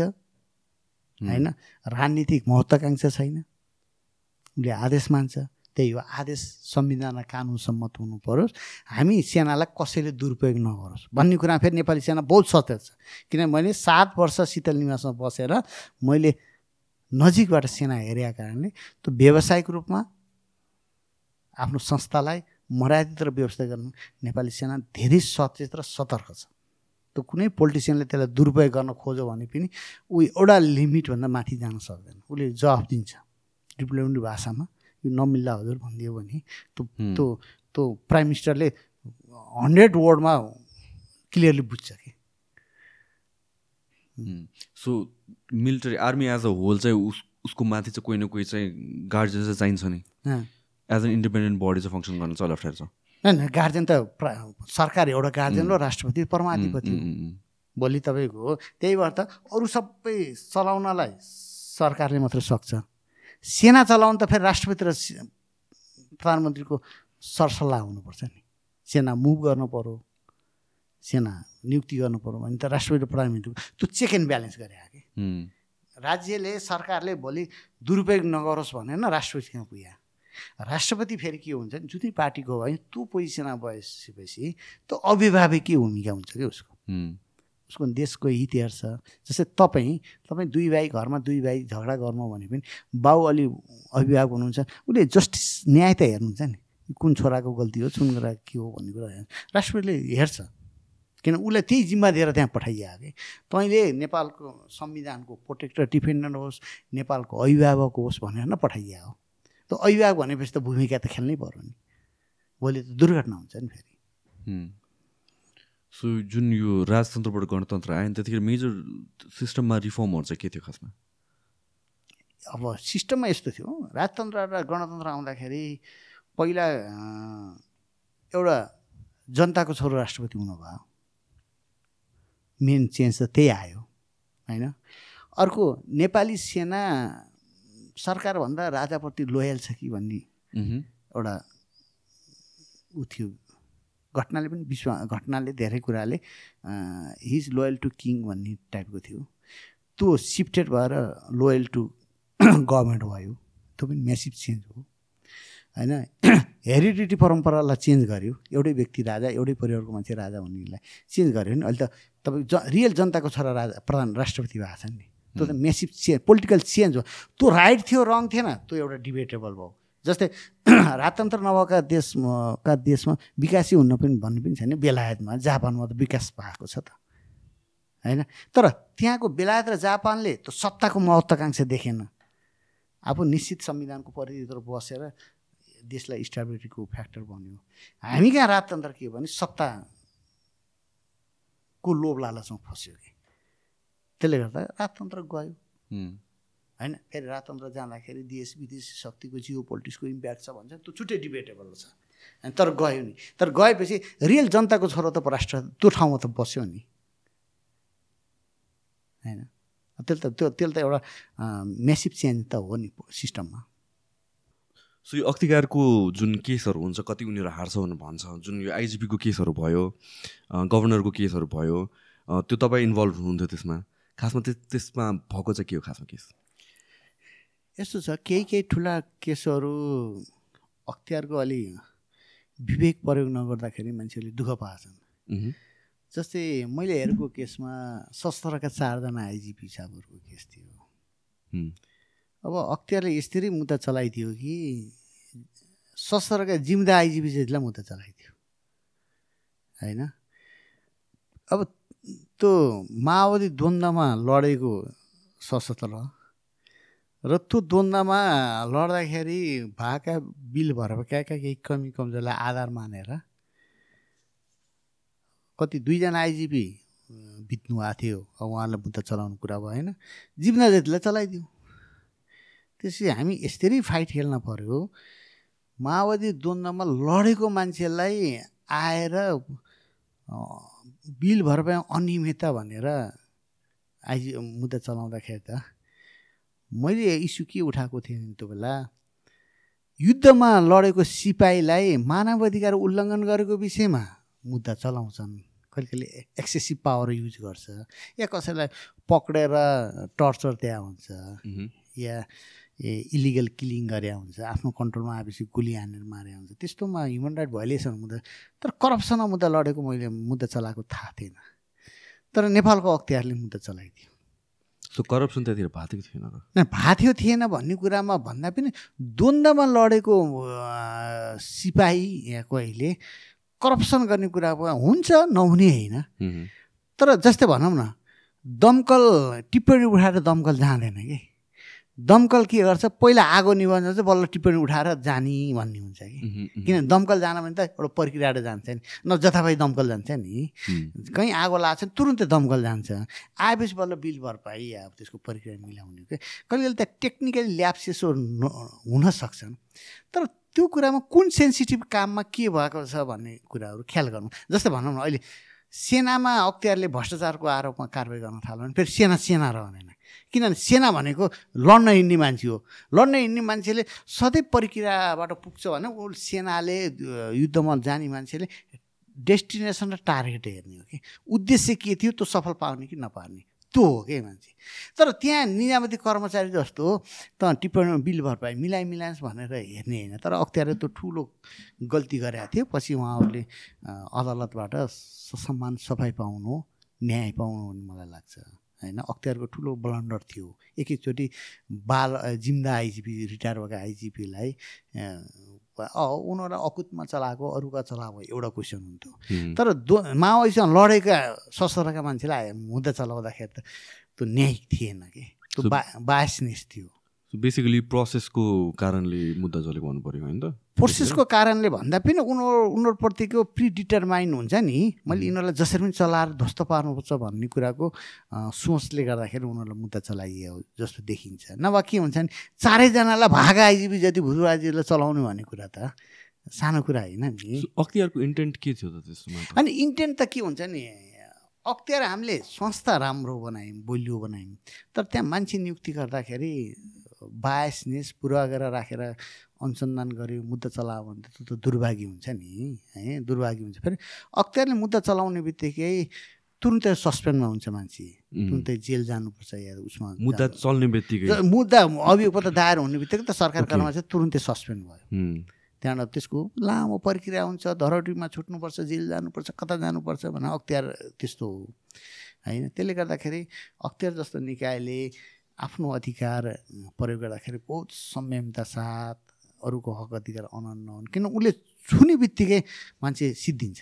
सो यो त्यही त अघि हामीले कुरा गरे जस्तै भयो गिल्टी अन्टिल प्रुभन इनोसेन्सको केस भयो होइन? र अहिले जुन यो मिडिया ट्रायलको पनि हामीले कुरा गऱ्यौँ नि त। सो त्यो मिडिया मिडियाको जुन एउटा प्रेसर हुन्छ मिडिया र जेनरल पब्लिकको जुन प्रेसर हुन्छ त्यसले कोर्टलाई कतिको एफेक्ट गर्छ? कोर्टको डिसिजनलाई होइन होइन हो कोर्टको डिसिजन कोर्टको डिसिजन गर्नमा एफेक्ट गर्छ। किन? कोर्टमा नि त मान्छे बस्छन् नि। होइन? कोर्टमा मान्छे बस्छन्। होइन? मान्छे बस्दाखेरि मान्छे भनेको त त्यही समाजको मान्छे हो नि। तपाईँ पब्लिकमा हेर्दाखेरि ऊ नेगेटिभ छ तर आरोप पत्र उसलाई लागेको अभियोगमा प्रमाण देखिँदैन कि। कोर्टले त प्रमाण हेर्ने हो नि। पब्लिकमा त्यसको इमेज कस्तो छ के छ भन्ने त हेर्दैन। कोर्टले प्रमाण हेर्छ प्रमाण केही भएन छोडिदियो छोडिदिन्छ ल बरबाद भयो। छोडिदियो कोर्टले। यसरी पक्रिया थियो कोर्टले छोडिदियो। त्यहाँ घुस खाए एक के खायो भने जुन मिडिया ट्रायल हुन्छ नि त्यो गलत हो कि? र हामी कहाँ के छ भने मिडियाको अटोनोमस हुनुपर्छ स्वतन्त्रता हुनुपर्छ अराजकता हुनु हुँदैन कि? र जुडिसियरीका कुरामा अपराध अनुसन्धानको कुरामा इन्भेस्टिगेसनमा मिडिया नेपालमा अलिक संयम नभएको हो कि? किनभने त्यसलाई ठुलो प्रभाव पर्छ हेर्नुहोस् अनुसन्धान गर्ने मान्छेलाई प्रभाव पर्छ डिसिसन गर्ने मान्छेलाई प्रभाव पर्छ। उसले एउटालाई छोडिदिएको नाममा नाममा उसले धेरै सामाजिक सञ्जालबाट गाली खानुपर्छ। होइन त्यसले गर्दाखेरि अपराधमा अनुसन्धानमा मिडिया ट्रायल नेपालमा अलिक बढी भएको भन्ने देखिन्छ। यसमा सम्बन्धित सरकारवालाले आफै सोच्नुपर्छ कि।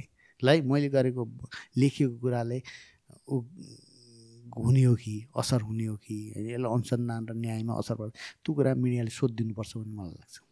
सो जुन एउटा प्रेसर पर्छ त हामीले बुझ्यौँ होइन? अब चित्त बुझ्यो बुझेन भने मिडियाले ट्रायल गर्छ पछि पनि अब राम्रो नराम्रो भनेर भन्छ। सो त्यसबाट बच्नको लागि इन्फ्लुएन्स हुन्छ कि हुँदैन डिसिजन? कि डिसिजन जहिले पनि रिगार्डलेस अफ मलाई आलोचना पाओस् नपाओस् त्यो फेयर नै हुन्छ कि हुँदैन? होइन फेयर त फेरि न्यायाधीशमा उसको न्यायाधीशमा भर पर्ने कुरा हो। कोही न्यायाधीशहरूले मलाई मिडियाले गाली गरे गरोस् नगरेस् म मतलब आफ्नो न्यायिक मन परेको गर्छु भन्छन्। कोही कोही मान्छे समाजका हुन्छन् होइन समाजमा मान्छे भन्छन् डर हुन्छ। तर म त भोलि यो मिडिया डिसिसन गरेपछि आलोचना खेप्नुपर्छ। सामाजिक सञ्जालले मलाई लखेट्छन् या लखेट्छन् भन्ने कुरा। त मान्छे हो नि ऊ पनि। उसको पर्सनल क्यापेसिटी पर्सनल विवेकमा प्रयोग गर्ने कुरा हो। तर त्यसरी मिडियाले या सामाजिक सञ्जालले हामीहरूको सामाजिक सञ्जाल पनि अलि अराजक तथ्यगत वस्तुनिष्ठ नभएको हो कि? होइन? कसैलाई खेद्न पऱ्यो भने खेद्या खेदै गर्ने त्यसको तथ्यमा नपस्ने प्रमाणमा नपस्ने।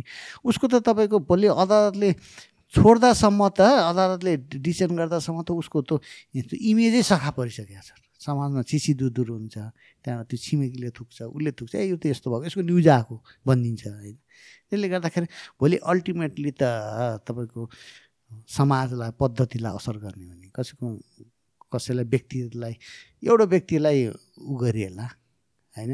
त्यसै यसरी स्वतन्त्र र अराजकपन छोड्दै जाने हो भने त भोलि अल्टिमेटली समाज कोल्याप्स हुन्छ नि होइन। त्यसले गर्दा योबाट अलिक युथ वर्गले सोच्ने हो कि। होइन? युट्युबरले सामाजिक सञ्जालमा यसो कहिले कहिले कमेन्ट हेर्दाखेरि एउटा न्युज त चोरै हो भनेर लेखाइदिन्छु कि होइन? यसले खाएकै हो या यसले यो गरेकै हो वस्तुनिष्ठ तथ्यमा नपुगिकन होइन? त्यो भएपछि अनुसन्धान गर्ने पुलिसलाई प्रभाव पर्छ। पुलिसलाई छोडौँ किन? छोडो गाली गर्छन् छोडो मिडियाले लेख्छ। त्यही भएर अहिले अहिले हाम्रो क्रिमिनल जस्टिस सिस्टम मरेको एउटा कारण हो दुईवटा कारण। एउटा मिडिया ट्रायल बढी भयो। मिडियाले लेखिहाल्ने। ए उसले त छोडिदियो। यति जम्मा धरोटिया छोडिदियो भन्ने लेखिहाल्छ। अर्को कुरो त्यो मिडियालाई मिडियाका आधारमा माथिल्लो लेभलले जसलाई उसलाई रेगुलेट गर्ने त्यो जसले यसलाई हेर्ने नियुक्ति गर्ने त्यसको सबै प्रक्रिया हेर्ने संस्थाले फेरि तुरुन्तै तानिदिन्छ। ल तँ यसरी यसरी मिडियामा तेरो न्युज आयो तँलाई सस्पेन्ड गर्ने वा तँलाई माथि झिकाउने भनेर गरिदिन्छ त्यसपछि न्यायाधीश या अनुसन्धान अधिकृत होइन तिनीहरू फेरि डराएर मिडियासँग सामाजिक सञ्जालसँग धेरै डराएको देख्छु कि मैले। वान अफ द रिजन अब यो जुन मान्छेहरूले नै गाली गर्छ भन्नु न आई थिङ्क त्यो फ्रस्ट्रेसन पनि निस्किया जस्तो लाग्छ कि मलाई। होइन हो फ्रस्ट्रेसन निस्कने एउटा कुरा हो त्यहाँबाट त्यो फ्रस्ट्रेसन उसले व्यक्त गरेका शब्दले गर्दाखेरि त त्यो त अल्टिमेटली निर्दोष व्यक्ति पनि दोषी हुन्छ। दोषी व्यक्ति पनि भोलि निर्दोष हुनसक्छ नि। त्यो त क्रिमिनल जस्टिस सिस्टम त मऱ्यो नि होइन? क्रिमिनल जस्टिस सिस्टमले के हुन्छ सोलिड इभिडेन्स भयो मात्रै मात्रै दोषी देखा होइन भने अन्टिल त ऊ निर्दोषै हुन्छ। प्रुफ नहुँदासम्म त ऊ निर्दोष हुन्छ नि होइन? अब प्रुफ गर्न टाइम लाग्छ। टाइम लाग्दासम्म उसलाई दोषी ठहराइसकेछ समाजले होइन? मेरो मेरो बिगेस्ट कन्सर्न नै यही हो कि जुन हिसाबले सोसियल मिडिया ट्रायल जुन अहिले रिसेन्टली एकदमै बढेको छ होइन? अब not getting into specific case or त्यसको के हो कसो हो ओपिनियन नदिएर थिङ्स लाइक अब रवि लाम के अरे हाम्रो सन्दीप लामिछानेको केस भनौँ पल्सा केसहरू let's not get into the case तर त्यो केसको बारेमा न्युज आउने बित्तिकै जुन सोसियल मिडियामा एउटा डिसिजन नै बनिसक्यो बेस्ड अन जस्ट यो केस दा रेजिस्टर भयो भन्ने बित्तिकै। त्यसले चाहिँ मलाई कतिचोटि चाहिँ हुन्छ नि म आफै सोच्न थाल्छु कसैले फसाउन चाह्यो भने कोही मान्छेलाई आफ्नो जुनै बायसनेस या इन्टेन्सनले हो भने त त्यो भले एक वर्षपछि कोर्टले उसलाई छोडिदियोस् तर उसले भोग्नुपर्ने कुरा त ऊ बिना एनी एभिडेन्स नै उसले भोगिसकेको हुन्छ समाजबाट। र इफ कोर्ट पनि स्ट्रङ भएन भने कोर्ट कोर्ट पनि एथिकल या मोरल भएन भने त त्यो प्रेसरमा आएर त एउटा निर्दोष पनि सजाय पाउन सक्छ नि होइन? यो दुइटा केस त मैले इक्जाम्पल मात्र दिएको यस्तो त अब आई थिङ्क योभन्दा बिगर केसेसहरू होला।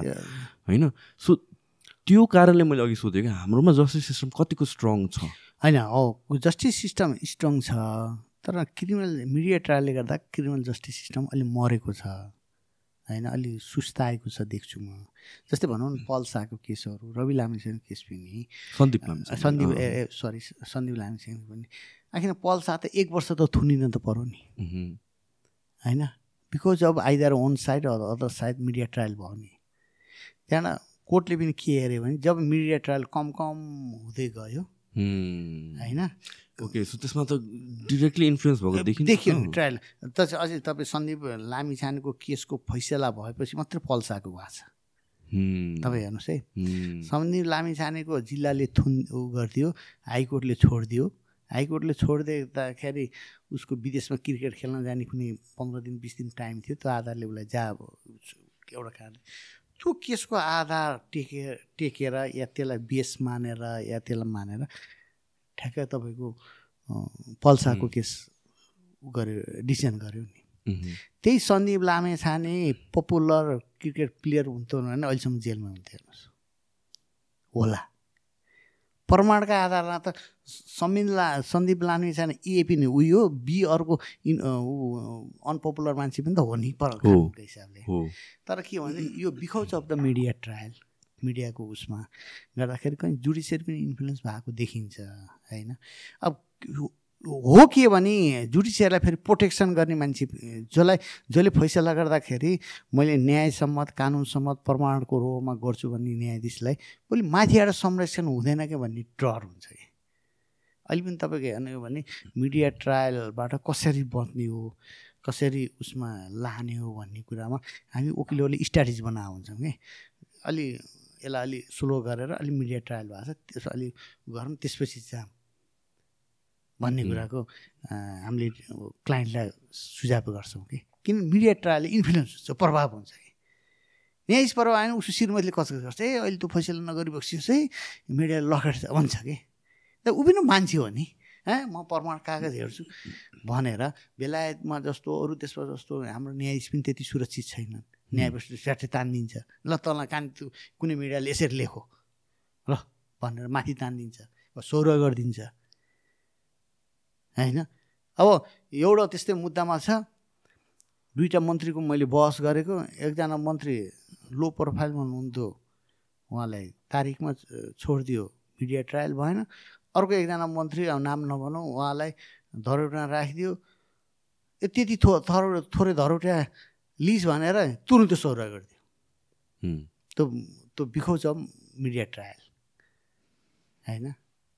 साँच्चै भने ग्राभिटी हेर्ने हो भने मैले तारिकमा छोडा ऊ मैले बस गरेर जुन तारिकमा छुट्नुभयो उहाँ उहाँको अलिक बढी ऊ थियो कि उहाँको एगेन्स्टमा अलिक बढी प्रमाणहरू देखिन्थे।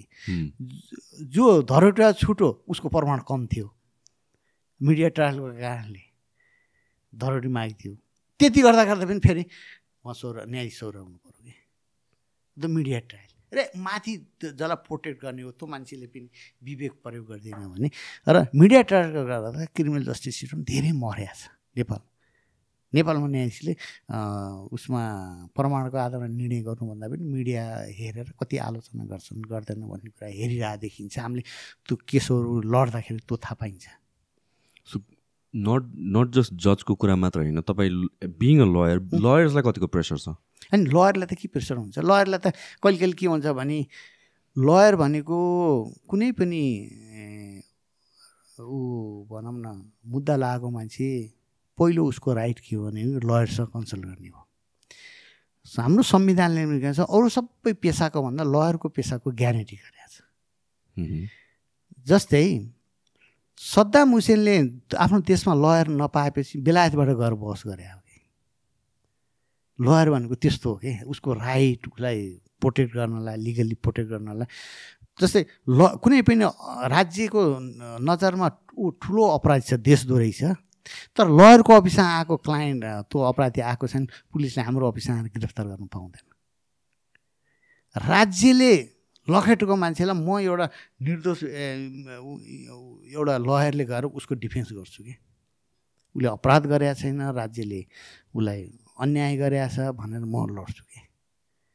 तर हामीलाई पनि कहिले कहिले यस्तो बलात्कारीको मुद्दा यसले लडो या यस्तो भ्रष्टाचारको मुद्दा लडो भन्छन् कि? लड्ने कुरो त उसको राइटको ग्यारेन्टी नै गरे हो। उसको उसको अपराध यसले यु एउटा कुरा हुन्छ एकले अपराधै गरे। उसको कुरा त राख्नु पऱ्यो नि। उसको कुरा जजसम्म पुऱ्याइदिनु त कम्युनिकेसन त चाहिने। हामी लयर भनेको त उसको तथ्यगत कुरालाई लिगल वेमा कम्युनिकेट गर्ने नै हो।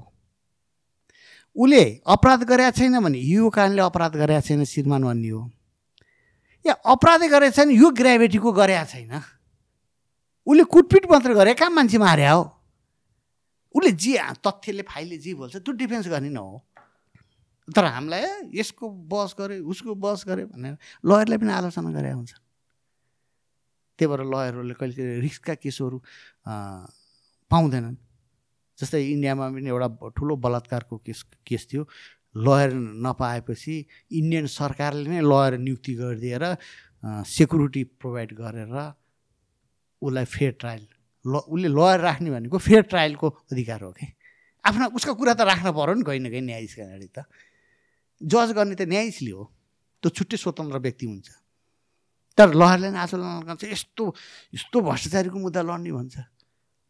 ऊ भ्रष्टाचार छ छैन भन्ने कुरा त कोर्टले डिसिसन गर्छ नि। पहिले पब्लिकले भनिदिने ल भ्रष्टाचारी छ भने त ल सजाय बस कहिले कहिले त निर्दोष पनि त त्यो हुलमुलमा भ्रष्टाचारी ठहरिन्छ नि। केही खाएको हुँदैन केही गरे हुन्न कहीँ कतै सिङ्चर गरेर कहीँ उसमा। अब त्यो सशस्त्रको केस के गर्नु एकजना सिपाहीलाई मुद्दा चलाएको थियो। सिपाहीले हाकिमले भनेको चेक साटेर ल्याएको थियो। एउटा मिलन के भन्ने एउटा सिपाही थियो। अब त्यसलाई भ्रष्टाचारको मुद्दा चलाइदियो। जाहिर खाएको पाँच छ वर्ष भएछ हाकिमले यो चेक साटेर लिए तेरो नाममा अलिकति पैसा निकास गरौँ भनेको उसैलाई मुद्दा चलाइदियो। ह त्यो अनुसन्धान गर्ने मान्छेको विवेक र क्षमतामा क्षमता भन्दा पनि विवेक हो कि? जजमेन्ट हो कि? जुडिसियल माइन्ड प्रयोग गर्ने कि नगर्ने? तर हामी कहाँ के छ नेपालमा? अख्तियार जस्तो मान्छेले जुडिसियल माइन्ड प्रयोग गर्दैनन् कि? त्यहाँ त जुडिसियल माइन्ड प्रयोग गर्नुपर्छ। नेपालको एउटा मात्र अख्तियार त्यस्तो हो जसले इन्भेस्टिगेसन र प्रोसिक्युसन एक एउटैले गर्छ। जस्तै तपाईँको यता फौजदारी अपराधमा ज्यान मारेको के छ भने इन्भेस्टिगेसन पुलिसले गर्छ प्रोसिक्युसन सरकारी वकिलले गर्छ। तर अख्तियार यस्तो हो कि इन्भेस्टिगेसन उसैले गर्छ प्रोसिक्युसन उसैले गर्छ। तर त्यो भनेको जुडिसियल माइन्ड प्रयोग गर्ने हो कि।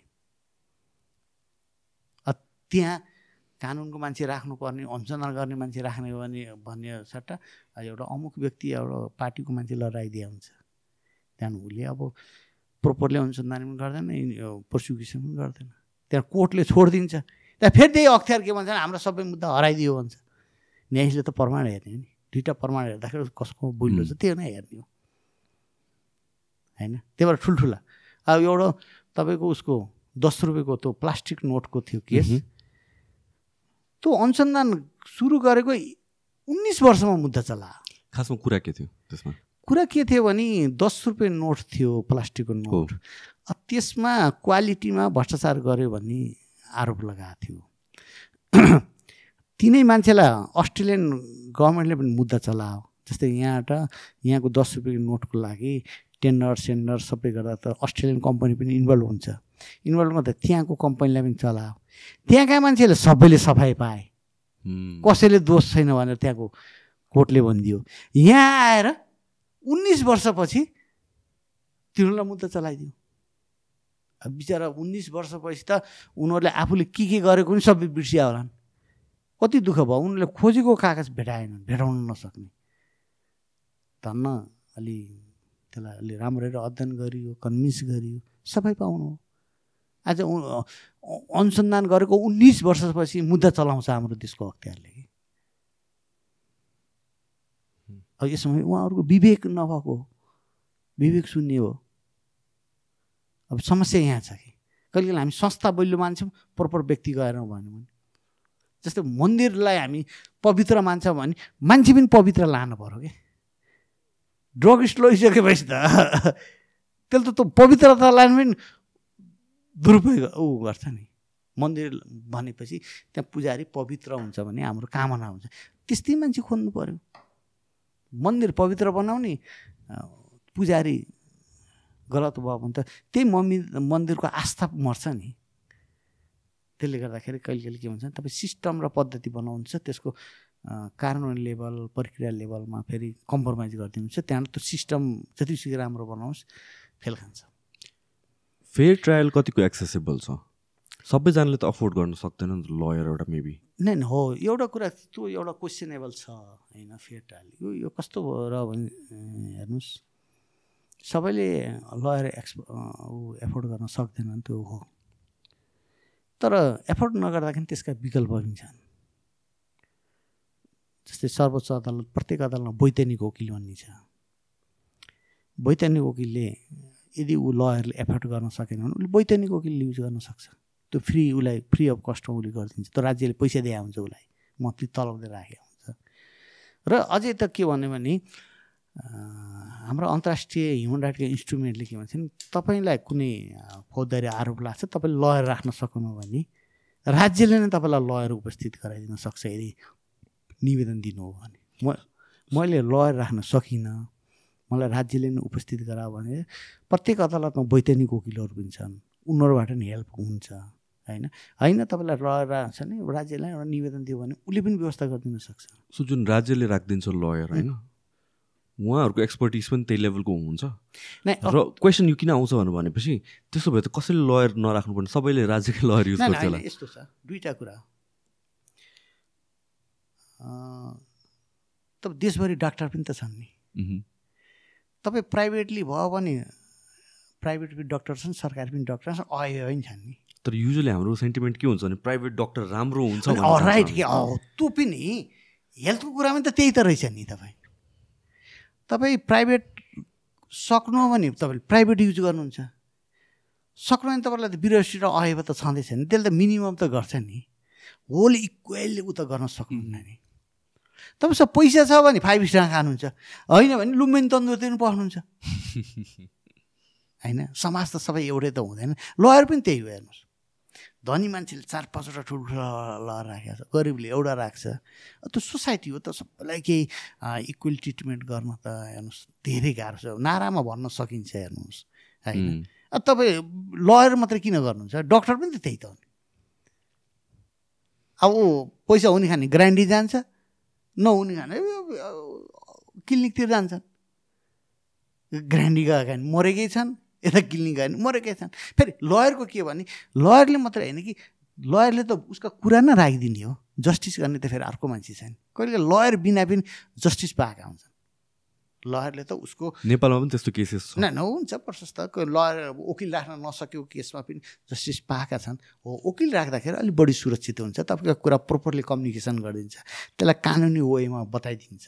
उसले आफ्ना कुरा अन्याय भएका कुराहरू प्रोपरली न्यायशीलाई कन्भिन्स गर्छ। लयर भनेको त पक्षका कुरालाई कानुनी तरिकाबाट न्यायशीलाई कन्भिन्स गर्ने नै हो लयरले त्यसमा अलिअलि यताउता अलिअलि तार्किक तर्कसँग त्यहाँ ऊ गर्ने एउटा कुरा हो। तर लयरले त विशुद्ध पक्षका कुरा कानुन वे तरिकाले न्यायसँग पुऱ्याइदिनु हो। ठुल्ठुला लयरले ठुल्ठुला फेरि यो कुरा पनि तपाईँ जति रिसर्च गरौँ जति अध्ययन गरौँ त्यसबाट नयाँ नयाँ कुरा पत्ता लगाउने न हो। तपाईँले पैसा दिनुभएको छ राम्रो लगानी गर्नुभएको छ उसले डेप्थ रिसर्च गरेर तयारी गर्छ। थोरै पैसा दिनुभएको छ कमजोर लयर लान्छ उसले यसो पढ्छ आफ्नो कुरा राखिदिन्छ त्यही हो। त्यो फेरि समाज हो क्या तपाईँ मेडिकल पनि त्यस्तै छ इन्जिनियर पनि त्यस्तै छ। तपाईँले राम्रो पैसा कमाउँछ छ भने राम्रो इन्जिनियर ल्याएर राम्रो स्ट्रक्चरको घर बनाउँछ होइन भने गाउँकै मिस्त्री राखेर ट्र्याक्टर पार्नुपर्छ। होइन? त्यो सोसाइटीको संरचना हो कि सर? सो तपाईँको यो लतिरको जर्नी के थियो? किनभने तपाईँको बाल्यकालको कुरा अस्ति हामीले हल्का कुरा गरेको थियौँ। इन्ट्रेस्टिङ लाग्यो मलाई एकचोटि। सो यो अहिलेको स्टेजमा तपाईँ लयर बन्छु भनेर lawyer as a lawyer one of the reputed lawyer हुनुहुन्छ त्यहाँ चाहिँ कसरी मोडिनु भयो यस्तो थियो मेरो पहिलेदेखि इन्ट्रेस्ट थियो हेर्नुहोस् होइन ल भनेको। अझै मेरो जर्नी भन्नुहुन्छ भने म इन्डियन आर्मीको छोरा हो। म बयालिस त्रिचालिस सालतिर होला म बुवासँग म नौ क्लास दस क्लासमा पढ्थेँ। बुवासँग म इन्डियाको देहरादुनमा गएर एक वर्ष बसेको थिएँ हेल्थ चेकअपको लागि। त्यसपछि त्यहाँ म भलिबल खेल्थेँ स्विमिङ गर्थेँ यस्तै यस्तै गर्थेँ है। गर्दाखेरि त्यो बुवाहरूको त यो एउटै हलमा सबै सुत्ने सिपाहीहरू हलदारहरू सुत्ने म त्यसैमा बिचमा एउटा बिस्तारा बनाएर सुत्थेँ। त खेल्दै जाँदाखेरि एकजना अब मेजर थियो कि कर्नेल थियो कि थाहा भएन ए तिलबहादुर तेरो बेटीको भर्ती गर्द भने थियो। त्यो बेला बयालिस चालिस जाँदा जाँदा इन्डियन आर्मीको छोरो भर्ती हुनलाई त्यति गाह्रो थिएन होला होइन? झन् म आर्मीको ब्यारेकभित्र बसेको मान्छे त्यहीँ भर्ती सर्ती भएको देख्थेँ उर्थेँ त्यसै मेरो बुवाले भनेको कुरा अहिले पनि मलाई भयङ्कर ऊ लाग्छ स्ट्याग गरिरहेको उहाँले साप हाम आपको जुत्ता पुलिस कि आम बेटेको नै कराइँगे भन्नुभएको थियो कि। किन बुवाले त्यहाँको मेजर कर्नेल कसको हो मैले जुत्ता पुलिस गरिदिएको मेरै आँखाले देखाएको छु। त सेनामा गर्छन् नै। किनभने एउटा मेजरले एउटा कर्नेलले एकजना सिपाही पाउँछ उसले कपडा धोइदिन्छ जुत्ता पुलिस गर्छ उसको ड्रेस प्रेस गर्छ त्यो सेनामा आम चलन छ। त्यसपछि मैले त्यो गरेपछि सिधै आएर गाउँमा आएँ। गाउँमा आएपछि एसएलसी थिएँ। एसएलसी पास भएँ। त्यसपछि मलाई ल पढ्ने ठुलो इन्ट्रेस्ट थियो। इन्ट्रेस्ट गर्दाखेरि मैले बुटोलमा भर्न पाइनँ। ल लमा इन्ट्रेस्ट किन लाग्यो तपाईँलाई होइन यसो लमा अब यस्तो छ कि अन्याय गर्न हुन्न न्याय गर्नुपर्छ दबिनु हुन्न भन्ने एक किसिमको सोच आउँछ नि। गर्दाखेरि ल पढेपछि न्याय गर्नुपर्छ। कहिले कहिले त्यो फिल्मको प्रभाव होला के होला के होला। त्यो न्यायको रोमा र मा कसैले अन्याय गरौँ अनि त्यसको रिभोल्ट गर्ने कुरा जस्टिसका कुरा गर्ने कुराले बढी मात्र ल पढ्न खोज्छ कि? होइन? फेरि अलि राजनीति चेत भयो भने ल पढ्न खोज्छ। यस्तो गर्छ नि। भएपछि मैले बुटोलमा भर्ना पाइनँ। भर्ना पछि म एजुकेसन पढ्न बाध्य भएर गएँ। एजुकेसन लास्ट लास्ट जाँच दिने बेलामा मेरो अहिले सम्झन चाहन्छु उहाँ उसमा दाङको त्यो सदबरीमा माओवादीको उसमा परेर मृत्यु हुनु उहाँ मेरो दाई धनबहादुर बस्नेत हुनुहुन्थ्यो उहाँसँग मैले दाइ मलाई त ल पढ्नु भन्थ्यो तर पाइनँ भने। म त्यो आइएडको जाँच दिनको लागि ट्युसन पढ्ने थियो त्यो लास्ट स्टेजमा थिएँ। यता ल पढ्छस् त भन्नु म पढ्न थियो ल ल त्यो त्यो त्यहाँको चिफको कोही नातेदार मेरो साथी छ म त्यसलाई भनिदिन्छु भन्नु। गएर त्यो उहाँको साथीलाई लिएर गएर कहाँ गएँ। कहाँ गएपछि ए पढ्ने इच्छा छ? भनेपछि मलाई लास्टमा भर्ना गरेर मेरो रोल नम्बरै लास्ट थियो कि। भनौँ न आइ आइएल आइए पढेको आठ नौ महिनापछि म लमा इन्ट्री गरेँ। त्यो लमा भित्रको डेडिकेसन भएको हुनाले म फर्स्ट भए पास भएँ। होइन पास भएँ। त्यहाँबाट पास भए बिएल गरेँ होइन। बिएल गरेपछि एलएलएम गरेँ। होइन एमपिए गरेँ पोलिटिकल साइन्समा एमए गरेँ होइन। गएपछि मेरो अझै पनि मेरो के हो छ भने त्यसै संजोगले फेरि म जस्तै स्पिकरको एडभाइजर भएँ तिन वर्षमा पार्लियामेन्ट स्पिकर एडभाइजर भएँ। त्यहाँबाट हुँदै हुँदै राष्ट्रपतिको secretary with adviser legal adviser भएँ। म लिगल फिल्डमा हाइएस्ट लेभलमा काम गरेर र हाइएस्ट पर्सनालिटी र हाइएस्ट इन्स्टिट्युसनलाई मैले सल्लाह दिने मौका पाएँ। त्यो मेरो एउटा ल भनेको त्यो ब्लडमा या ड्रिम छ मलाई लमा एक्सर्साइज गर्न भयङ्कर भित्रदेखि मजा आउँछ होइन? त्यसले गर्दा त्यो ड्याकबाट म गएको हो होइन? फेरि लमा फ्रिडम हुन्छ होइन? आफ्नो कुरा राख्न सकिन्छ न्यायका कुरा गरिन्छ जस्टिसका कुरा गरिन्छ फेयर ट्रायलका कुरा गरिन्छ है यो अन्याय भयो यो भयो भन्न सकिन्छ। फेरि पोलिटिक्ससँग पनि क्लोज हुन्छ ल होइन? ठुल्ठुलो एडभाइस गरिन्छ। त्यसपछि म हुँदै हुँदै एउटा लेभलसम्म पुगेँ पुगिसकेपछि त्यहाँ अहिले पनि मलाई होइन प्र्याक्टिस गर्ने नगर्ने गर्दा म गर्नुपर्छ। भने मैले ठुल्ठुला केसमा मलाई अलि अलि रिस्की केस अलिक च्यालेन्जिङ केसमा मलाई इन्ट्रेस्ट हुन्छ। किन च्यालेन्जिङ केसलाई बढी पढ्नु पर्छ। बढी पढ भने नयाँ नयाँ थ्योरी निकाल्न सकिन्छ। त्यहाँ नयाँ नयाँ एडप्ट गर्नुपर्छ reform judicial system legal system reform हुन्छ आस्ते आस्ते। होइन? जहाँ पनि हेर्नुहोस् अमेरिका बेलायत लयरले धेरै लिगल सिस्टम चेन्ज गरेका छन् कि? लिगल सिस्टम भनेको त्यो डेभलपमेन्टको एउटा मेरुदण्ड हो कि? तपाईँ राइट होइन? तपाईँको उसको अधिकार संरक्षण गरिदिनु भने डेभलपमेन्टदेखि सोसियल चेन्ज त्यसैबाट नहुने हो। होइन? त्यसले गर्दाखेरि अमेरिकामा नि हेर्नुहोस् लगभग लगभग सिक्सटी पर्सेन्ट ल राष्ट्रपति लयरबाटै भएको छ होइन? बेलायतमा त्यही किसिमको देखिन्छ। होइन? किन लयरले धेरै सोसियल चेन्ज गर्न सक्छ कि? मुद्दा हालेर कहीँबाट के हुन्छ? भोलि सुप्रिम कोर्टबाट एउटा त्यस्तै आदेश फैसला गराउन सक्यो भने त त्यो त कानुन भयो नि। कहिले कहिले पार्लियामेन्टले नबनाएको केस बनाउन नखोजेको केस नसकेको केस हामी सुप्रिम कोर्टबाट उ गराएर बनाउन सक्छौँ। त्यसलाई लिगल पेसा स्वतन्त्रता स्वतन्त्र छ व्यावसायिक छ होइन? यसले सोसियल चेन्ज गर्नु त्यही भएर लयरलाई सोसियल इन्जिनियर भनिन्छ नि। समाज चेन्ज गर्छ। किन अरूहरूले आर्थिकले अर्थशास्त्रीले इन्जिनियरले एउटा पाटो हेर्छ। लयरले त्यसलाई राइटको वेबाट डेभलपमेन्ट गर्नलाई बाटो खोज्छ रुल अफ ल लयरले बढी हेर्ने भनेको रुल अफ ल छ कि छैन। जे बिजनेस हुनुहोस् जे डेभलपमेन्ट होस् त्यो रुल अफ लबाट फस्टाएको हुन्छ नि। जस्तै अहिले भनौँ न नेपालमा वैदेशिक लगानी आयो भने पहिला के हेर्छ? रुल अफ ल छ कि छैन मेरो लगानी सुरक्षित हुन्छ छैन छ कि छैन त्यो सुरक्षित हुने कुरा प्रोटेक्सन हुन्छै हुँदैन त्यहाँ इन्डिपेन्डेन्ट जुडिसियरी छ छैन त्यहाँ कानुन छ कि छैन त्यहाँ राम्रो कानुन हेर्छ नि त्यो हेर्छ। नभए वैदेशिक लगानी जस्तै तपाईँले पनि यो संस्था खोल्नुहोस् भने मलाई यो संस्था गरेर भोलि राज्यले मलाई भोलि ऊ गर्छ कि भन्ने एउटा सोच आउँछ। होइन कानुन त छ। होइन लयरले यसको मेरो पक्षबाट लडिदिन्छ भनेपछि तपाईँ सुरक्षित भएर काम गर्नुहुन्छ। भोलि कहिले कहिले तपाईँलाई राज्यले नगरपालिकाले भोलि सिडिओले तेरो यो कम्युनि यो यो यो संस्था बन्द गर भनौँ भने तर मैले किन गर्ने भन्नुहुन्छ त्यहाँ लयर कहाँ जानुहुन्छ? लयरले मुद्दा हाल्छ। मुद्दा हालेपछि सिडिओलाई उसले आदेश गर्छ त्यहाँदेखि कम्युनिकेसन यो उहाँको संस्था बन्द नगरिदिए भन्छ। तर लयरले रुल अफ लको बाटो खोज्छ कि? रुल अफ लमा सबै फस्टाउँछन् सो तपाईँ अब एकदमै हाई लेभल पोलिटिसियनहरूको प्रेसिडेन्टहरूको एडभाइजर भइसक्नु भएको छ होइन?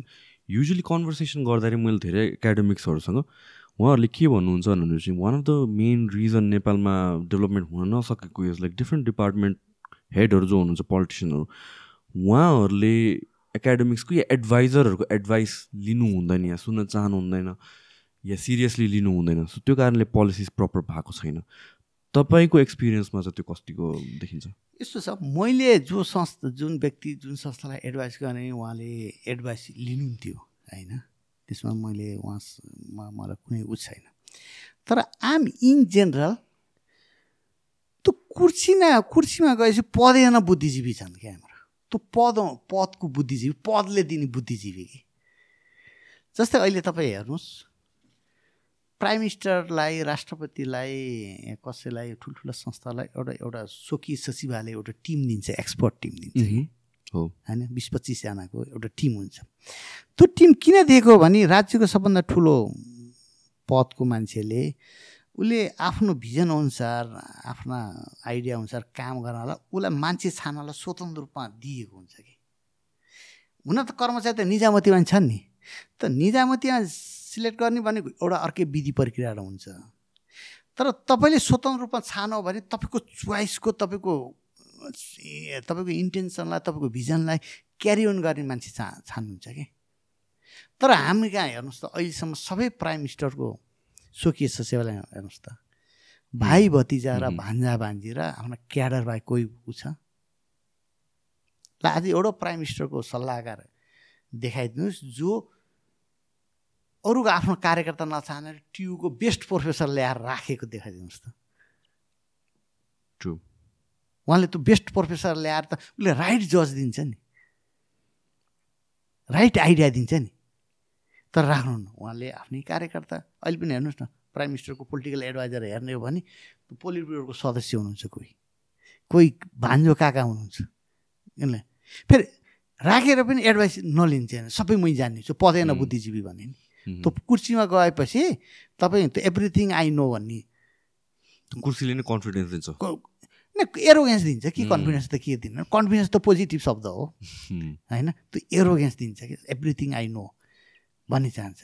म यो कुर्सीमा मलाई सबै थोक थाहा छैन। यो कुरा म विभिन्न सेक्टरका विभिन्न मान्छेहरूको सल्लाह लिनु छ भन्ने सोचै भएन कि। त्यो स्वकीय सचिवालय त्यहीँबाट देखिन्छ कि देशको प्राइम मिनिस्टरको भिजन र मिसन कस्तो छ भन्ने कुरा।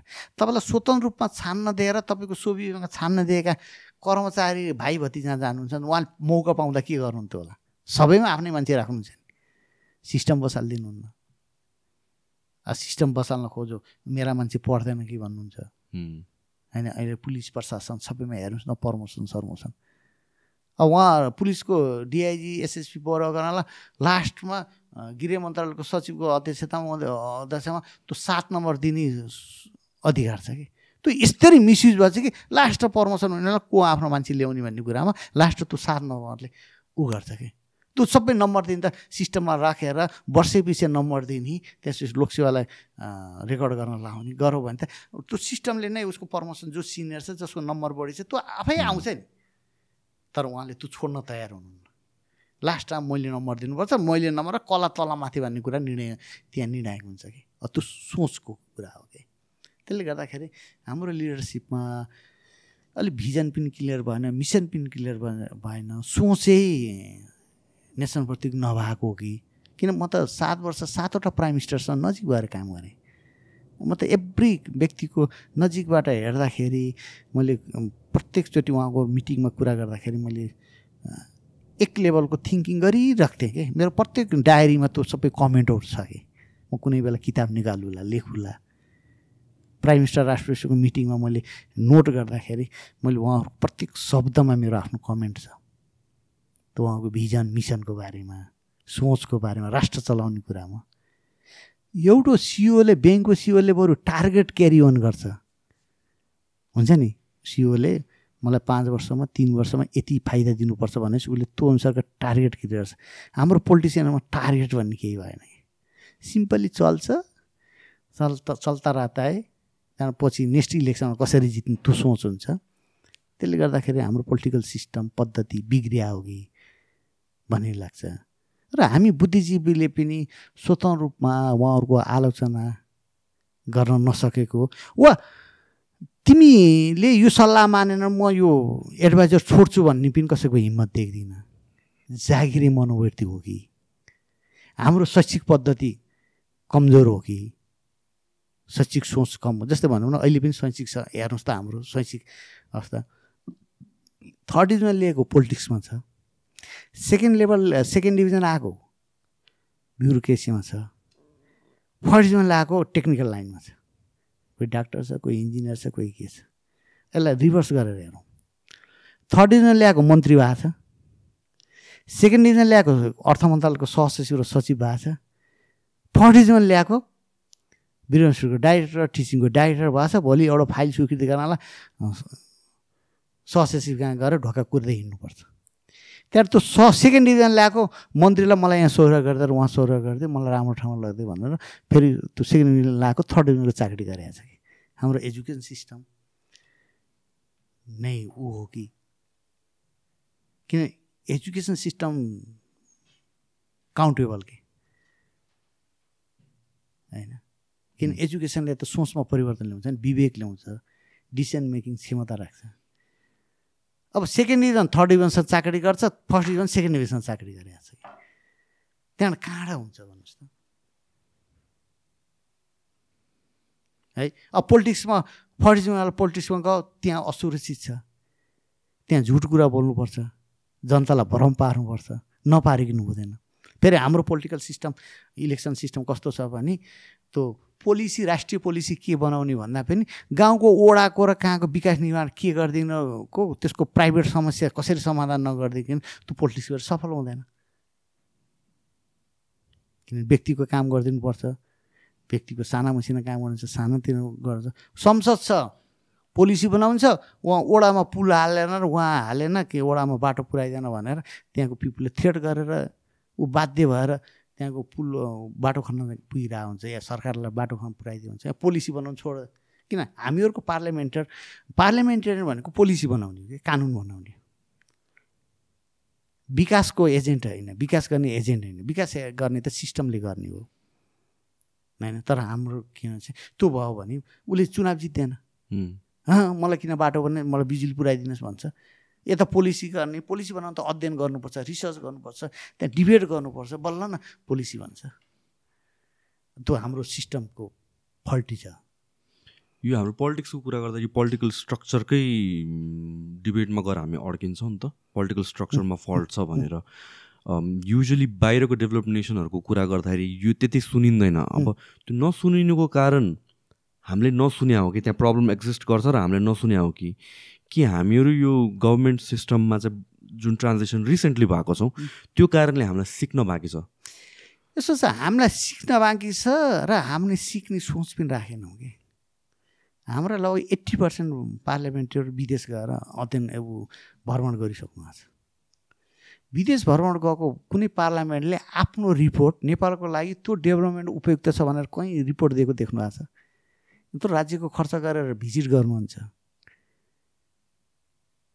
आएर त्यो त्यहाँको डेभलपमेन्ट यो कारणले नेपालको लागि उपयुक्त छ भनेर कस्तो रिपोर्ट दिएको देख्नुहुन्छ? त्यो योजना आयोगले क्यारी अन गरेको देख्नुहुन्छ?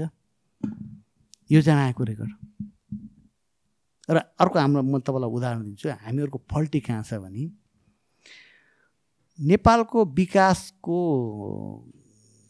संस्थागत गर्ने जिम्मेवारी पाएको भनेको योजना आयोग कहाँ कति विकास गर्ने विकासको स्ट्रक्चर कसरी गर्ने भन्ने कुरा।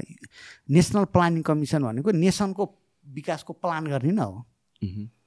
है? अब त्यहाँको योजना आएको उपाध्यक्ष नेपाल राष्ट्र ब्याङ्कको गभर्नर हुन जान्छ। नेपाल राष्ट्र ब्याङ्कको गभर्नर भनेको के हो भने निश्चित आठ दसवटा ब्याङ्कको हाकिम हुन हो। रेगुलेटर हुन हो। योजना आए देशभरिको विकासको भिजन दिने निकाय हो। तर उसँग के हुँदैन? त्यो पावर हुँदैन क्या पावर भनेको सौर बौड फाइनेन्सियल केही अधिकार हुँदैन? उसले राज्यलाई त यो यो विकास गर्नुपर्छ यहाँ यसरी विकास गर्नु सल्लाह दिन्छ। तर उसँग के हुन्छ? गभर्नरसँग एक्जिक्युटिभ पावर हुन्छ। ब्याङ्कलाई रेगुलेट गर्न सक्छ ब्याङ्कलाई धम्काउन सक्छ ब्याङ्कलाई यो गर्न सक्छ। तर मान्छे योजना आएको पोस्ट छोडेर गभर्नर भएको इतिहास। प्राइम मिनिस्टरको एडभाइजर भनेको ठुलो पावरफुल मान्छे हो। कुनै बेला प्राइम मिनिस्टरको एडभाइजरले देश दुर्घटनाबाट भएको बेलामा बचाउन सक्छ। किन त्यो त प्राइम मिनिस्टरले निर्णय गर्ने हो नि। प्राइम मिनिस्टर रङ वेमा जाँदैछ भने एडभाइजरले हजुर यो त रङ वे हुँदैन नेसनल फाइदा हुन्छ भनौँ भने त प्राइम मिनिस्टरले एकचोटि त सोच्छ नि। तर त्यो पोस्ट छोडेर गभर्नरमा गएका हुन्छन्। त म तपाईँ हामी भनेका बुद्धिजीवहरूको सोच हेर्नुहोस् न। त्यसो हामीले पोलिटिसियनलाई मात्र गाली गरेर के गर्ने? गाली गरेर के अर्थ तपाईँ आफूलाई एकाडेमिक तपाईँलाई विज्ञ भनेका मान्छेको त्यो एक्जिक्युटिभ पावरप्रतिको लोभ छ। प्राइम मिनिस्टरको एडभाइजर राष्ट्रपतिको एडभाइजर छोडेर त्यो एक्जिक्युटिभ पोस्टमा जान खोज्छन्। त्यो पोस्ट सानै नै किन नहोस्? म त दङ्ग पर्छु हो। योजना आएको उपाध्यक्ष छोडेर राष्ट्र ब्याङ्कको गभर्नर हुन जान्छ। कहाँ देश बनाउने कुरो कहाँ बिसवटा ब्याङ्कलाई रेगुलेट गर्ने कुरा? होइन? फाइनेन्सियली मोनिटोड पोलिसी भनेको त राज्यको त पाँच दस पर्सेन्ट भूमिका खेल्ने निकाय न हो। कहाँ योजना? योजना आयोगले भिजन दियोस् न। जस्तै तपाईँ अहिले पनि हर्क गुरुङलाई सम्झाउनुहुन्छ हर्क गुरुङले एउटा पाँचवटा क्षेत्रको परिकल्पना के के के अहिले पनि सबैले सम्झन्छन् नि। त्यो योजनाको उपाध्यक्षले त्यो भिजन दिन सक्छन्। तर उसँग फेरि मोनिटरी पावर र अर्को रेगुलेटरी पावर भन्छ नि। एक्जिक्युटिभ पावर उसँग हुँदैन। उसको एडभाइजरी बोडी हो। बिडमनै यहाँ छ कि। हाम्रो संरचना सामाजिक संरचना। हामी एक्जिक्युटिभ त्यही भएर मैले कहिले कहिले भन्छु त्यो त सबभन्दा भेलीको एसपी भयो भइगयो नि एसएसपी सबभन्दा यहाँ एक करोड मान्छेहरूलाई कन्ट्रोल गरेर आउँछ जो पऱ्यो भने जसलाई पनि थर्काउन धम्काउन सक्छ। एक्जिक्युटिभ पावर यो हामीहरूको एक्जिक्युटिभ पावरको सोचले गर्दाखेरि पोलिसी चेन्जको सोच हुनुपर्ने। मलाई अधिकार चाहियो मलाई थुन्ने अधिकार चाहियो मलाई यो गर्ने अधिकार चाहियो। मलाई आएर हजुर गर्ने मान्छे आउनु पऱ्यो त्यो पोस्टमा जान्छ नि। मेन थिङ भनेको इन्ट्रेस्ट टुवर्ड्स पावर नै हो। पावर हो नि यहाँ सुन्नु न। अहिले तपाईँ कुनै व्यक्ति शिक्षा मन्त्री हुन रोज्छ कि गृहमन्त्री हुन सक्छ? मलाई भन्नुहोस् त। गृहमन्त्री अफकोर्स गृह। शिक्षा मन्त्रीले देश चेन्ज गर्छ। प्रोपर शिक्षा दिएर। शिक्षाको सिस्टम बचाएर गृहमन्त्रीले शान्ति सुरक्षा गर्छ। कहीँ अमेरिका बेलायत जापान गृहमन्त्री टप प्रायोरिटी भएको देख्नुहुन्न। इभन अहिले पनि इन्डियामा तपाईँ फरेन मिनिस्टरको नाम सुन्नुहुन्छ त्यो गृहमन्त्री को छ भन्ने हामीलाई थाहा छ। तर हामी कहाँ के भन्छ गृहमन्त्री चाहियो।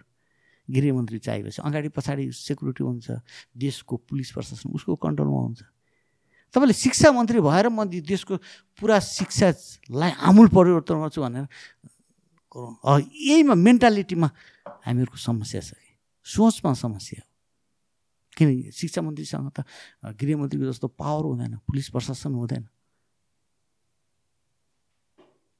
ल संसद तथा कानुन मन्त्री नै होस् न। देशको कानुन बनाउने निकाय हो कानुन राम्रो बनायो भने देशै सुध्रन्छ। यहाँ त सभामुख हुन्छ कि भने सभामुख रोज्ने कि गृहमन्त्री रोज्ने भने गृहमन्त्री रोज्छन् मान्छे। द पावरको मेन्टालिटी एक त साउथ एसियामा एसियामा बढी मात्रामा पावर ओरिएन्टेड सोसाइटी छ। होइन? अहिले तपाईँको हेर्नुहोस् न कति पोलिटिक्स टप लेभलमा अगाडि पछाडि सेक्युरिटी लिएर हिँड्छन् नि। त्यो आवश्यकता भएर होइन नि सुको लागि। जुन यो बेला बेलामा डिबेट आउँछ यो सवारी जरुरी छ कि छैन त्यसको त्यसको बारेमा के भन्नुहुन्छ? होइन त्यो बेलामा सवारी सेक्युरिटी पटक्कै कसैले सवारीमा पनि चाहिँदैन?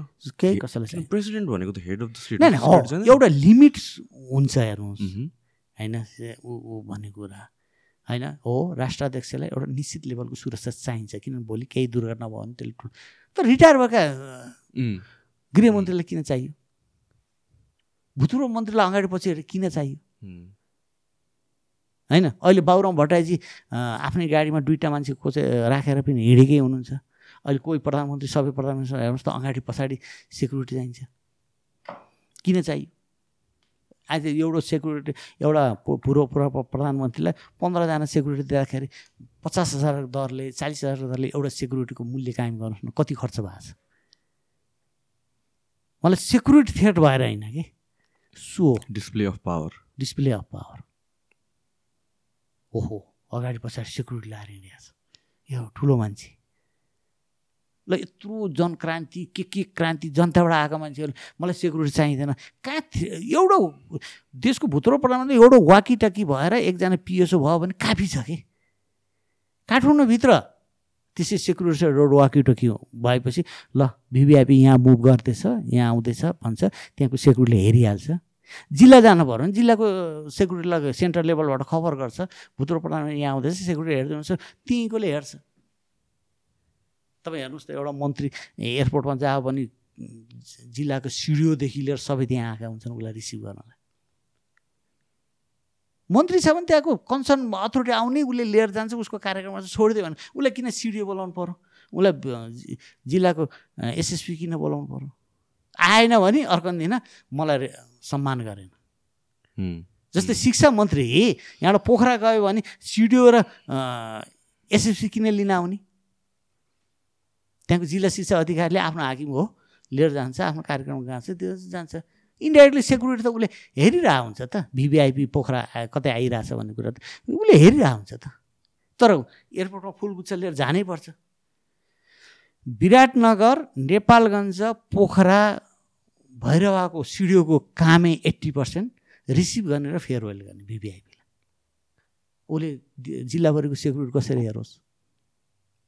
तपाईँ एकचोटि सर्वे गर्नुहोस् उनीहरूको एट्टी पर्सेन्ट काम भिभिआइपीलाई रिसिभ गर्ने फेयरवेल एयरपोर्ट जाने फुलगुच्चा गराउने गर्ने। त्यहाँ उसलाई लाने पछि पछि हिँड्ने। हाम्रो प्राइभेटली भन्छन् नि साथीहरूले। हाम्रो काम त भिभिआइपी आउँछन् हेर्नुहोस् त। एउटा भूतपूर्व प्रधान जाँदा दस बाह्रवटा गाडी आउने पछि लाग्छन् हो अब सेक्युरिटी थ्रेड छ केही छन् हामीलाई पनि त थाहा हुन्छ नि को मान्छेलाई सेक्युरिटी थ्रेड छ भन्ने कुरा। अनुमान गर्न सक्छौँ नि। अस्ति नै रवि लामे सानोजी गृहमन्त्रीलाई सेक्युरिटी के खोजिदिनु खोजिदिएको थियो? रवि लामे निस्किनु त्यो सबै फर्के। त्यो फेरि सेक्युरिटी त घरमा प्राइभेट काम गर्ने म त भिभिआइपीको नजिक भएर पनि हेरेको छु नि। त्यो सेक्युरिटी थिएटर सेक्युरिटीको जिम्मा हुँदै होइन जो कामको लागि हुँदै होइन यसरी मैले कुर्सीको दुरुपयोग गरेको छु। यो कसले रोक्ने? अहिले पनि हेर्नुहोस् माथिल्लो लेभलको लगभग भूतपूर्व प्रधानमन्त्री भूतपूर्व गृहमन्त्री भूतपूर्व डिपिएमको अगाडि पछाडि दस पन्ध्रजना मान्छे हुन्छन्। त्यही भएर त अहिले उहाँहरूको फ्रस्ट्रेसनमा यो एउटा युथ जेनेरेसनले विद्रोह गरिरहेछन्। त्यो त्यो भनेर रियलाइजेसन छैन। सो यो जुन युथ इन पोलिटिक्स अहिले म्यासिभली रिसेन्ट इलेक्सनदेखि हामीले देखिरहेको छौँ होइन? एन्ड कतिजना पुग्नु पनि भएको छ। मेजोरिटी अफ पिपलको चाहिँ एउटा पोजिटिभ एउटा रे अफ होप देखाएको छ एउटा हिसाबले। मलाई चाहिँ के लाग्छ भनेपछि एउटा जुन जोस हुन्छ एउटा जुन अपडेटेड रिसेन्ट नलेज हुन्छ त्यो युथबाट डेफिनेटली नै आउँछ। बट देश चलाउने भनेको नलेजले मात्र होइन कि एक्सपिरियन्स पनि चाहिन्छ। होइन? दुवै टर्म आई थिङ्क दुवै generation as a unit work गऱ्यो भने मात्र प्रपर एउटा हिसाबले चाहिँ भन्नु देश चल्छ। अहिलेको करेन्ट युथ लिडरसिपमा तपाईँले देख्नुभएको के कुरामा ल्याक भइरहेको छ? यस्तो छ। युथ आउनु म नराम्रो होइन राम्रो हो। तर युथ आउँदाखेरि रियाक्सन रूपमा फ्रस्ट्रेसन रूपमा एउटा आइदिरहेको देख्छु। हाम्रो पुरानो पोलिटिकल लिडर्सहरूको फङ्सनबाट फ्रस्ट्रेट भएर यिनीहरूबाट केही हुँदैन भन्ने रियाक्सन भएको छ। फेरि अहिले आएको युथहरूको हेर्दाखेरि न उनीहरूमा एक्सपिरियन्स देख्छु। फेरि जिम्मेवारी दिँदाखेरि भोलि ठुलो उसले गरेको डिसिजनबाट दुर्घटना हुन्छ कि भन्ने पनि डिसिजन मेकिङबाट त्यो त्यत्तिकै देखिन्छ। किन यो युथमा जोस देखिन्छ। कहिले कहिले जोसमा होस पुऱ्याएन फेरि ठुलो दुर्घटना हुन्छ। अहिले होसमा कमी हो कि मेच्युरिटीमा कमी हो कि किन उनको इतिहास छैन? अनुभव छैन। इतिहास भनेको अनुभव हो। अनुभव छैन। फेरि आगामी मेच्योरले एउटा भिजन पनि क्लियर गरे आउँछ कि? तपाईँ एउटा उमेरमा मेच्युरिटी पायो भने तपाईँले फ्यामिली समाज सबै हेर्नुहुन्छ। तर एक किसिमको मेच्योर भयो भने तपाईँ आफै मात्रै हेरिरहनुहुन्छ कि? मै नै सर्वे सर्वा छु भन्ने त्यही भएर युथमा मेच्युरिटी कम देखेको कि। उहाँहरूको बोलीको भाषा देख्छु या देख्छु। ए आकाशै खसालिदिन्छु जस्तो कुरा गर्नुहुन्छ। त्यो आकाश खस्न सक्छ कि सक्दैन? होइन? फेरि आऊ एकैचोटि भर्खरको केटा मन्त्री भएको छ सचिव पचपन्न साठी वर्षको भएको छ उसको आफ्नै अनुभव छ त्यहाँ डिक्टेट गर्ने। अहिले पनि यसो हेर्नु न नगरपालिका काठमाडौँ महानगरपालिका बालेन्जीकै उहाँमा एउटा आशा र जोसका साथ पिपुलहरूले भोट दिएको थियो नि हेर्नुहोस् त। मेरै घरकाले पनि उहाँलाई दिएँ। मैले मेरै छोराहरूले मानेनन्। तर अहिले हेर्दा उहाँको डिसिजन हेर्दाखेरि एभ्री डिसिजन इज डिबेटेबल छ कि? अलि होमवर्क नपुग्या हो कि? एग्रेसिभपन देखिन्छ। किनभने त्यो पोस्ट त लिगल अथोरिटी हो नि। लिगल अथोरिटी त रुल अफ लले बाँच्छ नि। हा मैले मैले चाहेको डिसिजन हुनुपर्छ। भन्ने टाइपको सोच आएको देखिन्छ कि। त्यसले फेरि कुनै दिन ठुलो दुर्घटना निम्ताउन सक्छ। त्यसले गर्दाखेरि युथमा अलि मेच्युरिटी जिम्मेवारीपन भाषण गर्न सामाजिक सञ्जालमा लेख्नलाई सजिलो छ। तर त्यो ठाउँमा गएर जिम्मेवारी निभाउन गाह्रो हुन्छ हेर्नुहोस्। दसचोटि सोच्नुपर्छ। ठुलो पोजिसनमा गएपछि। किन म त एक लेभलमा त्यो पोजिसनसँग नजिक भएर काम गरे हुनाले दसचोटि सोचेर हामी त के गर्छौँ? टेकअप गरेर गर्ने मात्रै ल्यान्ड गर्छै गर्दैन भन्ने हेर्ने हो कि। टेकअप गर्न त जे पनि एउटा स्विच दबाएपछि हेलिकप्टर माथि उड्छ होला नि। तर सुरक्षित साथ डेस्टिनेसनमा पुग्छ पुग्दैन भन्ने कुरा सोच्नु पहिले पर्छ। यदि त्यो गरेन विकल्प के हो त्यो पनि ऊ गर्नुपर्छ। होइन? तर अहिलेको युथमा टेकअप गरिहाल्ने। त्यहाँबाट हाम्रो सामाजिक सञ्जालका साथीहरूले ताली लगाइदिन्छ यसले राम्रो गर्यो भन्ने। त्यसले एउटा मेच्युर युथ आउनुपर्छ तर विथ मेच्युरिटी विथ जिम्मेवारी विथ रेस्पोन्सिबिलिटी आवेशमा होइन। होइन। अहिले तर युथ अहिले त्यो किसिमको आएको देखिँदैन हेर्नुहोस्। र यो युथहरूले विचार गर्नुपर्ने कुरा पनि हो। देश चलाउने भन्ने कुरा देशको पोलिसी गर्ने कुरामा त्यो दुइटा माइकमा अलिक चिच्चाए हुँदैमा हुँदैन। यो अर्को चाहिँ के पनि देखिन्छ भनेपछि यो जनताको साइडबाट एउटा रिभोल्ट गरे पनि हो। पहिलाको लिडरहरूसँग सेटिस्फ्याक्सन भएको हिसाबले फ्रस्ट्रेसन हो। भन्ने त मैले एक्ज्याक्टली जसरी अब अमेरिकाकै हेर्नुहुन्छ भने Biden जित्नुको one of the main reason भनेको ट्रम्पको अगेन्स्टमा जो उठे पनि जिताइदिने एउटा सेन्टिमेन्ट आएको हो क्या। सो यहाँ पनि एउटा त्यस्तै काइन्ड अफ सेन्टिमेन्ट आएको यत्रो वर्षदेखि जुन पोलिटिकल टर्मोइल भयो जो मच्योर लिडर्सहरू ओल्डर लिडर्सहरूसँग त्यत्रो एक्सपेक्टेसन्स थियो युथलाई एड्रेस गरिएन भन्ने काइन्ड अफबाट आयो। सो त्यसको अगेन्स्टमा युथ लिडर्सहरूलाई चाहिँ एउटा प्रायोरिटी पाउनुभयो कि? तर को सेलेक्ट हुनुभयो को सेलेक्ट हुनु भएन अहिलेसम्म कुरा होइन कि। मलाई के लाग्छ भने पछि गएर यो युथ कार्ड मात्र प्ले चाहिँ नहोस्। होइन?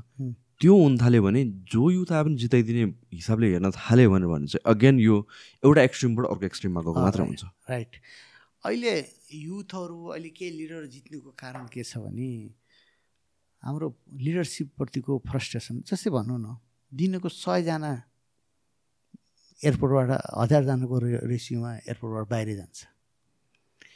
दिनको दसदेखि पन्ध्रजनाको त्यो कफिनमा लास आइरहेको देखिन्छ। त्यसपछि त्यो बाहिर बसेको युथले त तपाईँको कतारको यता बसेको युथले त अहिलेको सामाजिक सञ्जालमा त हाम्रो लिडरलाई गाली गर्छ कि? होइन? मलाई कहिले कहिले देख्दा दुर्भाग्य लाग्छ। मन्त्री गएर एयरपोर्टमा तपाईँलाई भिसा दियो कि दिएन मेन पावरले ठग्यो कि ठगेन भनेर गएको देख्छु कि।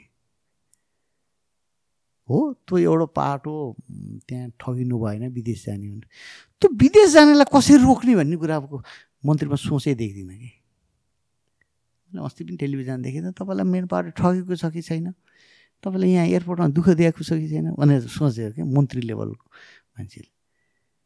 यसो हेरेँ ओहो त्यो आफैमा एउटा पक्ष देखेँ होला अन्याय परेन दुःख पाएन तर हेर्नुहोस् त चप्पल लाएर कहिले कहिले त्यो मेरो पनि आँखामा आँसु आउँछ। चप्पल लगाएको छ बच्चा लिएर श्रीमती बिदाई गर्न गएको छ। बिदाई गर्न जाँदाखेरि त्यो बच्चाले बाउलाई नछोडेर खोसेर तानातान गरेर रोएको देखिन्छ कि। त्यही मान्छेलाई मन्त्रीलाई राम्ररी जानुहोस् है भन्छ कि। म यहाँ रोजगार क्रिएट गर्छु। जस्तै रोजगार क्रिएट भनेको राज्यले दिने मात्रै होइन कि इन्भाइरोमेन्ट दिने हो कि? जस्तै अहिले एउटा मैले खुब मलाई एप्रिसिएट पठाऊ पठाउले इन्डाइरेक्टली अ काइन्ड अफ रोजगार दिएको छ कि? यस्तो रोजगार दिएको छु। र हामी पठाउ चढ्ने मान्छेलाई धेरै सजिलो भएको देख्छु कि? र मान्छेहरू एउटा मोटरसाइकल किनेर सोखलाई व्यवसायमा कन्भर्ट गरेको पनि देख्छु कि?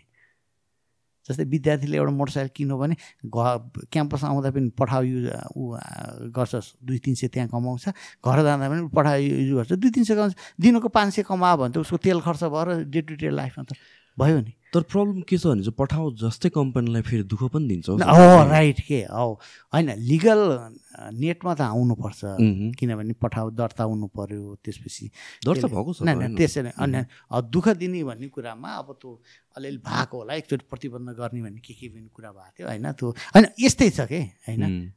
झन् कसरी सजिलो पारिदिनेतिर लाग्नु पर्छ लाग्नु पर्ने नि होइन उसले ट्याक्स दिएर उसले फकाएर तिमी ट्याक्स तिर्नुपर्छ है तिमी तिमीले यत्रो रोजगार दिएको छौ। अनि यत्रो गरेका छौ भन्ने कुराको राज्यले इन्करेजमेन्ट गरेको छैन कि होइन? अब यस्तो के राज्यले इन्भाइरोमेन्ट दियो भने न पठाउ जस्तो डेभलपमेन्ट हुन्छ। हेर्नुहोस् एक किसिमको अहिले हेर्नु भने काठमाडौँ भेलीभित्र दस हजार मान्छेले रोजगार पाइरहेको देख्छु कि। चट्टै एउटा नेट थिच्ने बित्तिकै आउँछ। हो यस्तै यस्तैको नयाँ नयाँ क्रिएसन गर्ने कुरा। जस्तो अहिले एउटा मानौँ मलाई कहिले कहिले म शीतल निवासमा हुँदाखेरि मलाई सोच्थेँ कि नेपालको डेभलपमेन्टको भिजन के भन्ने हेर्दाखेरि नेपाल पिलग्रिम टुरिज्म छ। नेपाल भनेको यस्तो देश हो जहाँ एक घन्टाको ड्राइभमा आँप खाएर सुन्तला खान जानुहुन्छ सुन्तला खाएर स्याउ खान जानुहुन्छ। तपाईँ चितवनबाट मनोकामना सुन्तला खान? चितवनमा तपाईँ आँप खानुहुन्छ। आँप खाएपछि सुन्तला खान जानुहुन्छ एक घन्टामा ड्राइभमा सुन्तला खाए खाएपछि अलिक माथि गयो भने स्याउ खान पाउनुहुन्छ भने त्यो डिफ्रेन्स इन्भाइरोमेन्ट भएको ठाउँ हो। होइन? यदि त्यहाँ राम्ररी बाटो बनिदियो भने चितवन गएर काम गर्छ साँझ आएर मनोकामना सुत्छ रातभरि फ्रेस हुन्छ। त्यसपछि बिहान मर्निङमा गर्न सेउ खान पुग्छ। यस्तो इन्भाइरोमेन्टमा विकासको कुनै आवश्यक पर्दैन ठुलो खर्च गर्नु अर्को यत्रो पिलग्रिम टुरिज्म छ।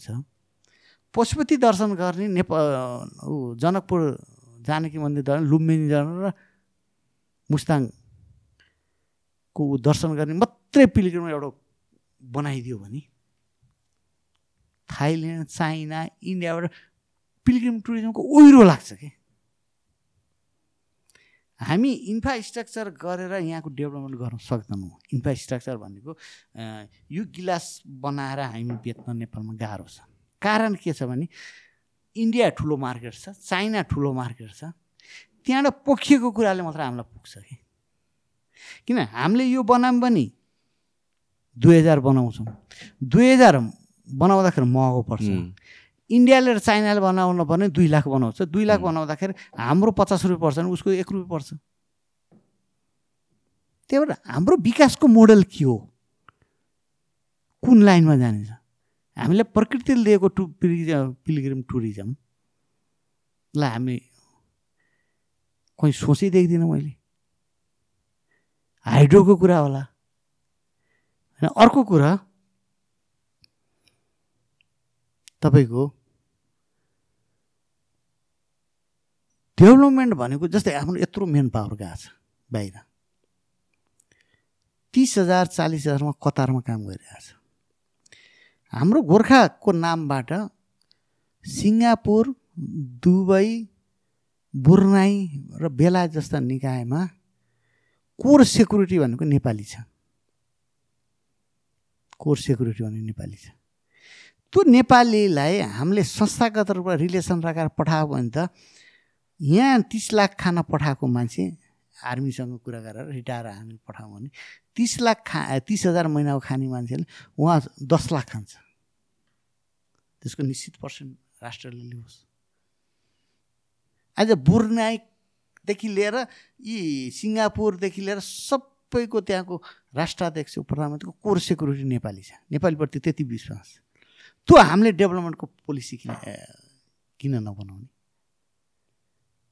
लुम्बिनीको माटो मात्रै एउटा उसमा सानो बट्टामा बिचा भने त्यो बौद्ध गौतम बुद्धको टिका भनेर बिक्न सक्छ। र टुरिज्मकै कुरा गर्दाखेरि हामी कहाँ पाँच लाख कर्मचारी होला सेना सेक्युरिटी सबै गर्दाखेरि से पुलिस सेक्युरिटी कर्मचारी।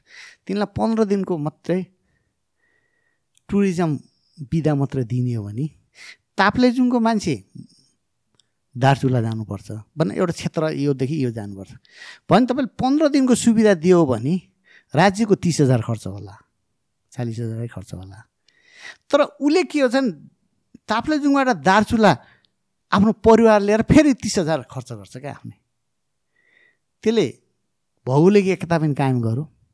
र त्यहाँ के भनिदिनु भने तैँले त्यहाँको डेभलपमेन्टको रिपोर्ट एक हप्ता बसेर डेभलपमेन्टको रिपोर्ट त्यहाँको गाविसमा दिए जिबीसम्म दिए र योजनामा पठा भनौँ भने त्यसले त्यहाँ स्वतन्त्र रूपमा यहाँको डेभलपमेन्ट यो आवश्यक रहेछ अनि एउटा पठाउँछ कि।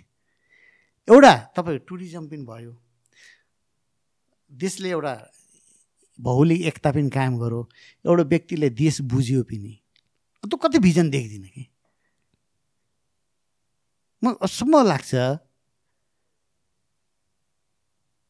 त्यो त पोलिसीहरूले भन्नु नि। पाँच लाख मान्छे प्रत्येक वर्ष एउटा कुनाबाट अर्को कुना भयो भने त्यसले अरू प्रभाव पार्ने। व्यापारका प्रभाव होला सामाजिक रिलेसनका प्रभाव होला कति गर्थ्यो होला कि?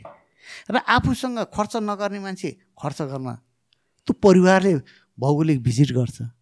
त सोचै देखिँदैन। मैले एकजना प्राइम मिनिस्टरको देखेँ म नाम भन्दिनँ। देशको प्राइम मिनिस्टर हुन्छ मुख्य सचिव र आर्मी चिफ दुई घन्टासम्म कुरेर भेट पाउँदैन।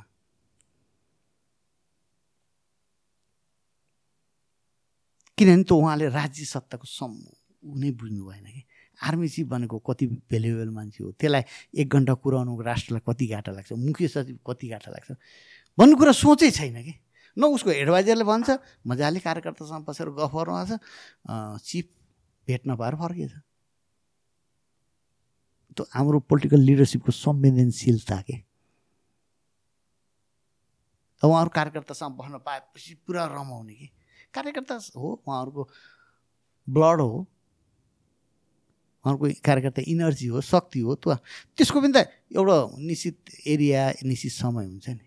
राज्य सत्ता चलाउनलाई कुर्सी यहाँ प्रधानमन्त्रीको बस्ने मुख्य सचिव र आर्मी चिफले डेढ घन्टा भेट नभएर फिर्ता हुने। त्यस्तो प्राइम मिनिस्टर पनि देखेँ कि मैले। त्यो भनेको त राज्य भनेको के हो नबुझिया मान्छे न अब समस्या यहाँ छ क्या नेपाल उहाँको त्यहाँ गुड एडभाइजर भए त उसले भन्थ्यो नि। प्रधानमन्त्री आर्मी चिफ र मुख्य सचिव बस्नु भएको छ उहाँलाई त कुराउनु हुन्न। त्यो उहाँहरू कार्यकर्ता बरु भोलि भेट्न आयो हुन्छ। कि ऊ आर्मी चिफले त्यो बेला नबोलाउने? त्यति म्यानेजर किनभने उहाँले राखेको छ भाइ भतिजा राखेको छ त्यसले म्यानेजै गर्न जानेन। प्रोफेसनल मान्छे राखेर त म्यानेज गर्छ नि। हामी देख्दैनौँ ब्याङ्कको सिओलाई भेट्नु पऱ्यो भने त्यो पिएले कति कुराको म्यानेजमेन्ट गरे हुन्छ। टाइम ल्या हुन्छ फोन कल कल ब्याक गरे हुन्छ तपाईँ कहाँ आउँदै हुनुहुन्छ? सिओ साहबले वेट गर्नु भएको छ। वा पाँच मिनट सिओ साहब यहाँ हुनुहुन्न तपाईँ अलि ढिला गर्दा पनि हुन्छ। सबै कम्युनिकेसन गर्छ नि। हामी कहाँ प्राइम मिनिस्टर कहाँ टाइम लियो डेढ घन्टा टाइम दिए हुन्छ डेढ घन्टासम्म कुर्नुपर्छ। होइन त्यो सिस्टम छैन कि? त्यो त्यसले गर्दाखेरि कहिले कहिले यो देश नै होइन कि? होइन यत्रो भयो यत्रो भनौँ न दुई सय पचास राजतन्त्रको कुरा यो भनौँ दुई सय सत्तर यो राज्य जन्मेको त दुई सय साठी सत्तरी असी वर्ष त भयो नि। यसो हेर्छु त्यो संरचना। हेर्छु राज्य नै होइन कि जस्तो जस्तो लाग्छ कि? त्यहाँदेखि दुःख लाग्छ। दुःख लगाएर के गर्ने? यो देशमा बस्नुपर्छ यो देशमा चेन्ज गर्नुपर्छ यहाँबाट भाग्न सकिँदैन। भाग्न पनि हुँदैन। फ्रस्ट्रेसन भएर। युथप्रति युथ पुरा ब्रेन ड्रेन भइरहेछ। अहिले तपाईँ गाउँ हेर्नुहोस् त कस्तो खाली छ। गाउँमा बुढाखाडा बाहेक मान्छे छैन। सब जग्गा बाँचिएको राज्यको पोलिसी केही छैन। त्यो जग्गालाई कसरी गर्ने?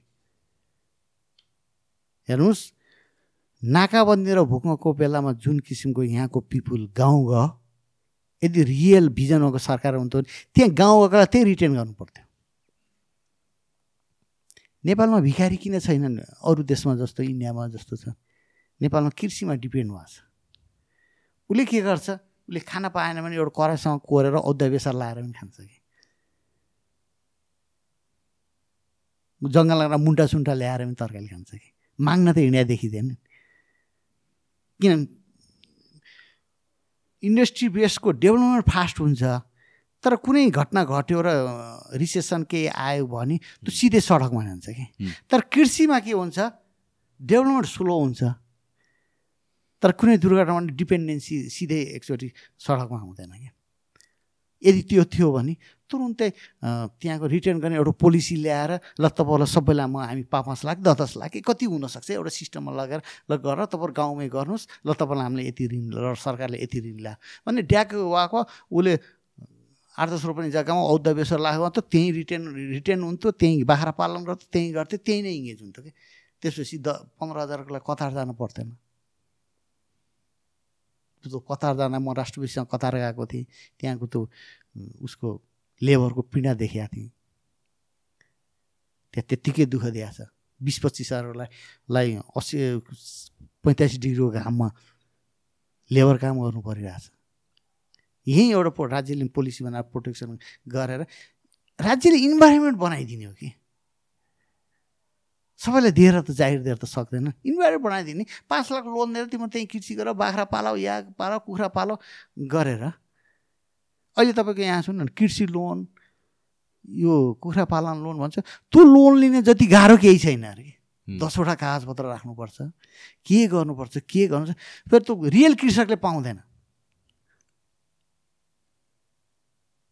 त्यहाँ त्यो बिचको त्यो हुन्छ नि त्यो मान्छेले खाइदिन्छ। अब धादिङको कुनै कृषि फर्मबाट पाँच रुपियाँ किलो बन्दा टमाटर उठाउँछ यहाँ ल्याएर कालीमाटीमा पचास रुपियाँ कृषकले पाँच रुपियाँ पाएको हुन्छ त्यो बिचा ल्याउने मान्छेले व्यापार गर्ने पैँतालिस रुपियाँ फाइदा खाइरहेको हुन्छ।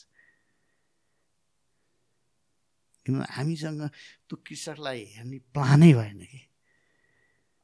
त्यो पाँच रुपियाँको टमाटर ल तेरो पच्चिस रुपियाँ राज्यले कुनै एउटा मेकानिजम राज्य आफै गर्ने भन्ने होइन।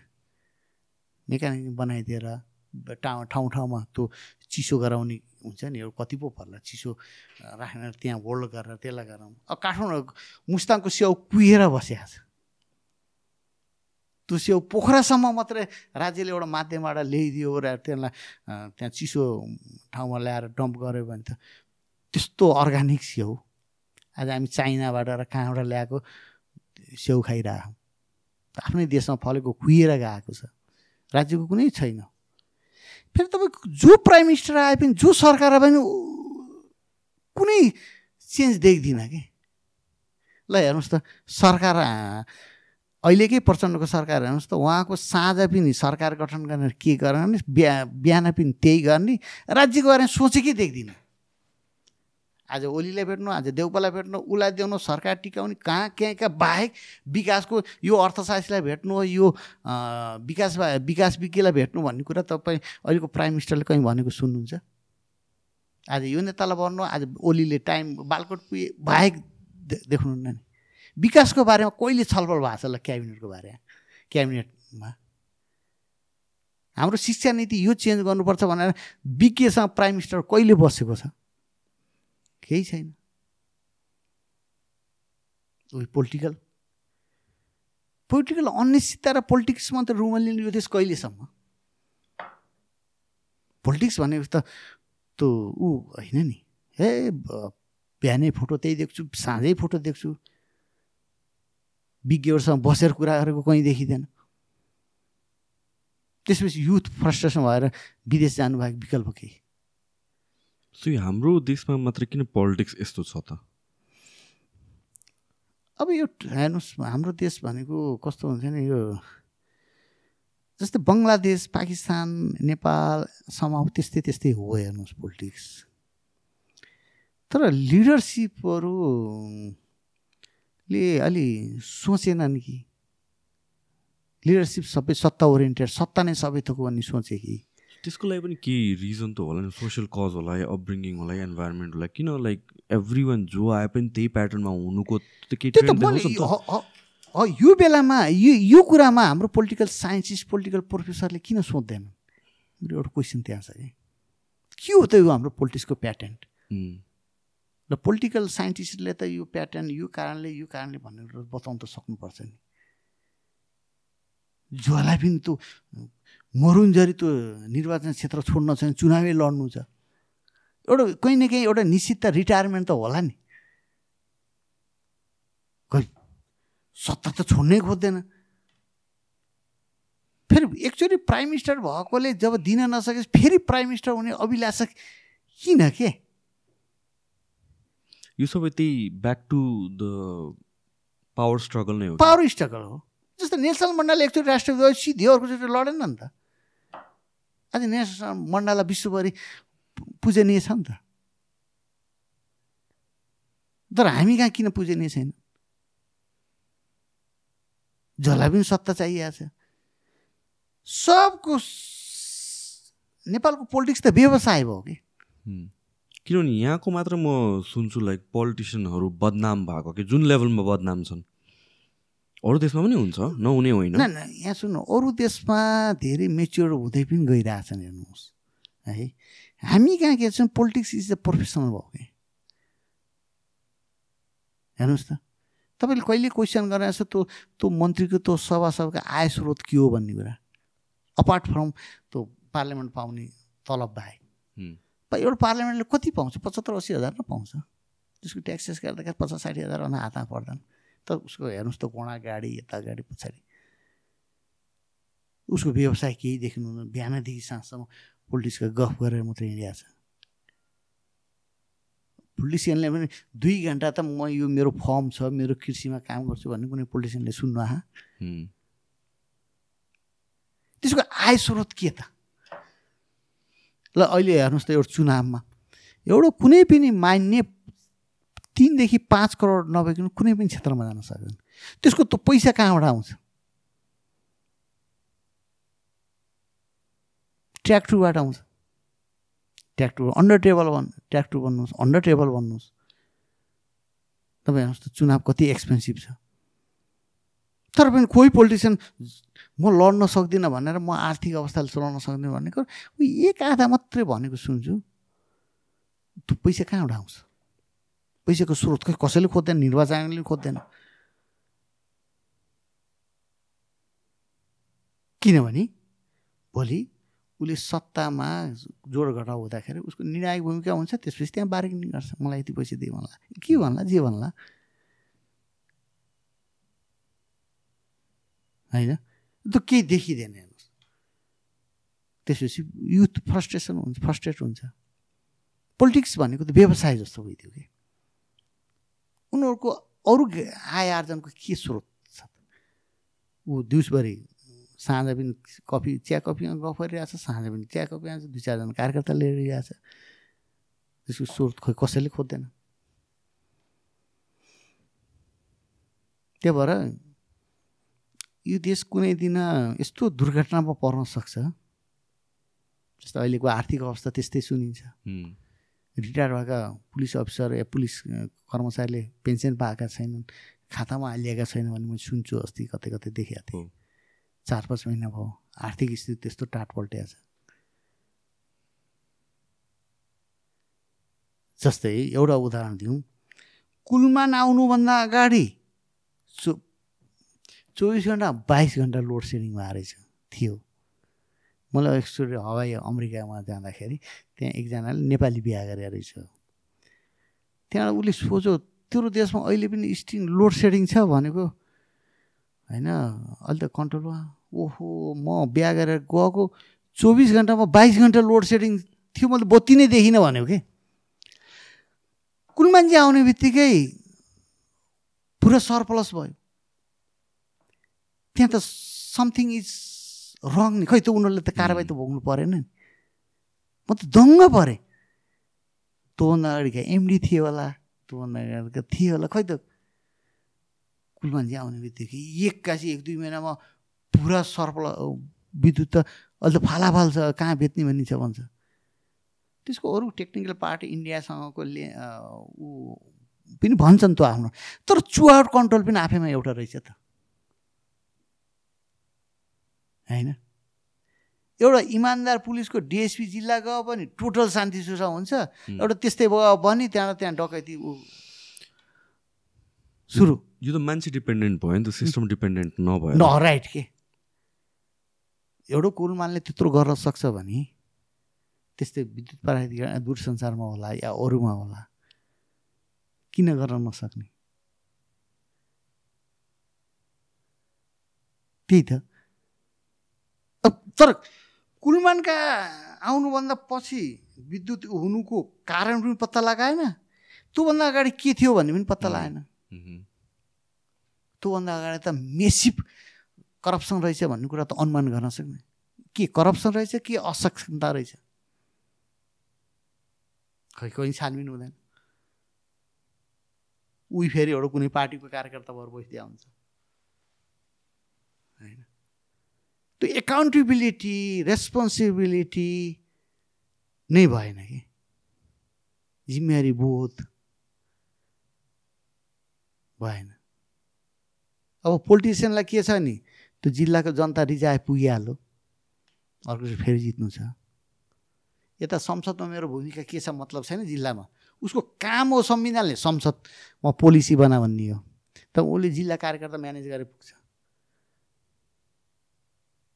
त्यो हेर्नुहोस् न जिम्मेवारी संविधानको परिकल्पना पोलिटिकल सिस्टमको परिकल्पना के हो भने त्यसले गएर पार्लियामेन्टमा कानुन बनाउँछ राम्रो भने हो पोलिसी गाइड गर्छ। ऊ त्यता अहिले पनि हेर्नु संसदको सिट सङ्ख्या अस्ति हिजो कसले भन्थ्यो खलासी ल्याएर भाइ राख्नु पऱ्यो खलासीले त त्यो प्यासेन्जर त खोज्छ नि। भनेर अस्ति सटार आएन त पुरा सिट खाली छ। लाज मर्दो देखिन्छ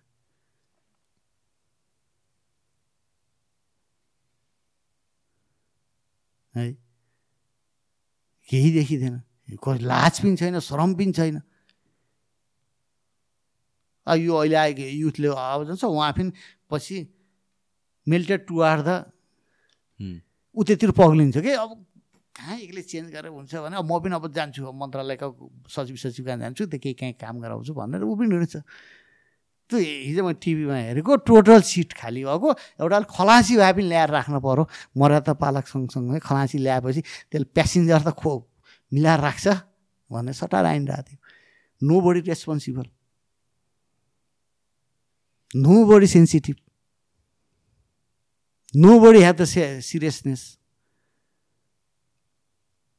यस्तो छ दुर्भाग्य। तपाईँ त अब क्लोजली प्रेसिडेन्टहरूसँग वर्क गर्नुभएको छ प्राइम मिनिस्टरहरूसँग वर्क गर्नुभएको छ उहाँहरूको मेन्टालिटी के हुन्छ उहाँको अब्जेक्टिभ के हुन्छ? साइकोलोजी के हुन्छ इन जेनरल यस्तो साइकोलोजी के भयो भने उहाँ राजनीतिक त्याग र तपस्या गर्नुभयो त्यसमा आई रियली स्यालुट देम। तर त्यो कुर्सीमा आएपछि उहाँहरूसँग न भिजन छ न मिसन छ न प्रोजेक्ट प्लानिङ छ। एउटा प्र प्राइम मिनिस्टरले देशको लागि दिने भनेको भिजन मिसन र प्रोजेक्ट प्लानिङ हो। उहाँको भिजन मिसन र प्रोजेक्ट प्लान कति छ भन्ने कुराको उहाँको बिहानदेखि साँझसम्मको तपाईँले बिहान सात बजीदेखिको साँझ सात आठ बजीसम्मको मात्रै मिटिङको सर्भे गर्नु हो भने तपाईँ एउटा पत्ता लाउनुहुन्छ उहाँ पोलिटिसियनसँग भेटघाट बाहेक कुनै पनि विज्ञसँग भेटेको मैले मिडियामा सुन्न पाउँदैन। र अर्को कुरो उहाँको भिजन र मिसन र को उहाँको सोच स्वकीय सचिवालयबाट देख्छु कि। एउटा राम्रो स्कुल चलाउने हेडमास्टरले त राम्रो राम्रो विज्ञ टिचर ल्याएर राख्छ नि। जस्तो प्राइभेट स्कुलमै हेर्नुहोस् न। राम्रो प्रिन्सिपलले राम्रो राम्रो टिचर खोजेर आउँछ। त्यो त्यो राम्रो प्रिन्सिपलले भाइ भतिजा खोजेर पढाउन लाउँदैन के? तर हाम्रो प्राइम मिनिस्टरको स्वकीय सचिवलाई हेर्नुहोस् भाइ भतिजा र कार्यकर्ता बाहेकहरूले भोरि आएन। एडभाइजर राख्ने भनेको आफूभन्दा जान्ने मान्छे राख्ने कि? आफूभन्दा जान्ने मान्छे नै एडभाइजर राख्ने हो। त्यो मान्छेको विज्ञता लिन न खोज्या आफूले डोमिनेसन गर्ने र आफूले जागिर दिने र आफ्नो कार्यकर्ता ल्याएर एडभाइजर राखेको हुन्छ जागिरको हुनु। त्यहाँ तपाईँले कसरी भिजन आशा गर्नुहुन्छ कि? आजै सत्ता टिकाउन कतिखेर बालकोट पुग्नुपर्छ कतिखेर बालबाटार बुढानीघण्ट पुग्नुपर्छ। सधैँ सत्ताकै खेल छ। साँझदेखि बिहानसम्म बिहानदेखि साँझसम्म सत्तै सत्ता सत्तै सत्ता पोलिटिकल म्यानेजमेन्टको बाहेक कुरै छैन। विकासको त कुनै छलफल भागै देख्छु जस्तो लाग्दैन। होइन यो सोचले ल तपाईँ विगतका प्रधानमन्त्री त अलिक पुरानो ट्रेडिसन। नयाँ अहिले त केही नयाँ त देखाउनु पऱ्यो नि। केही देख्दिनँ। पोलिटिकल अस्थिरता उहाँको सत्ता टिकाउने साँझ बिहान दौड देख्छु। पोलिटिकल भेटघाट विज्ञसँग भेटघाट गएको ट्युका प्रोफेसर लाएर राय सल्लाह मागेको मैले मैले न्युज सुने नै। पऱ्यो भने बरु त्यही प्रोफेसर भिजी छ भने त्यसलाई फाले आफ्नो कार्यकर्ता राख्न तयार भएको देख्छु। यसरी कहाँबाट बन्छ। केही केही संस्थामा त्याग गर्नुपर्छ। जस्तै ट्यु होला लोकसेवा होला अख्तियार होला जुडिसियरी होला पुलिसको आइजिपी होला यस्ता संस्थामा आफ्नो मान्छे राख्ने राम्रो मान्छे राख्ने। तर यहाँ ती सबै संस्था आफ्ना मान्छे मात्रै छन् देश चलाउनु मान्छे देश चलाउँछु भन्ने मान्छे त्यति त त्याग गर्नु पर्यो नि। पनि त्याग देखिँदैन। आफ्नै मान्छेले भर्या छ केही देखिँदैन। केही केही चेन्ज देखिँदैन हो? म त हेर्नुहोस् सातवटा प्राइम मिनिस्टरसँग नजिक भएर काम गरेँ। I am too much frustrate भोलि मैले किताब लेख्दैछु म किताबमा कति कुरा खोलुला नखोलुला होइन कहिले कहिले के हुन्छ सबै खोलो भने अहिलेका युथ पनि फेरि भाग्लान् भने डर म त किताब लेख्ने बेला म दुधारमा छु कि होइन म त नजिकबाट काम गरेँ कि जुन तपाईँले यत्रो प्राइम मिनिस्टर प्रेसिडेन्टहरूसँग क्लोजली काम गर्नुभयो त्यस्तो केही इभेन्टहरू छ? इन्ट्रेस्टिङ होइन इन्ट्रेस्टिङ इभेन्टहरू अब धेरै नै छन्। अब कुन प्रसङ्ग सन्दर्भका इभेन्टका कुरा हुन्छन्? मैले एउटा इभेन्ट इन्ट्रेस्टिङ छ। माओवादीको यहाँ काठमाडौँ उपत्यका देशभरिमा आठ दिनको ठुलो आन्दोलन थियो कि? बनाउनु देश ठप्पै थियो कि? ठप थियो। प्राइम मिनिस्टर माधव नेपाल हुनुहुन्थ्यो. उहाँले मलाई राति फोन गर्नु साढे एघार बजीतिर। अहिलेको माधव प्रधानमन्त्रीजीलाई प्रो प्रधानमन्त्रीलाई थाहा छ छैन? उहाँले बिर्सनु बिर्सनु थाहा छैन। मलाई सम्झना छ मलाई डेट पनि सम्झना छ। त्यो राति उहाँले के भन्नु भने प्राइभेट नम्बरबाट रिङ आयो।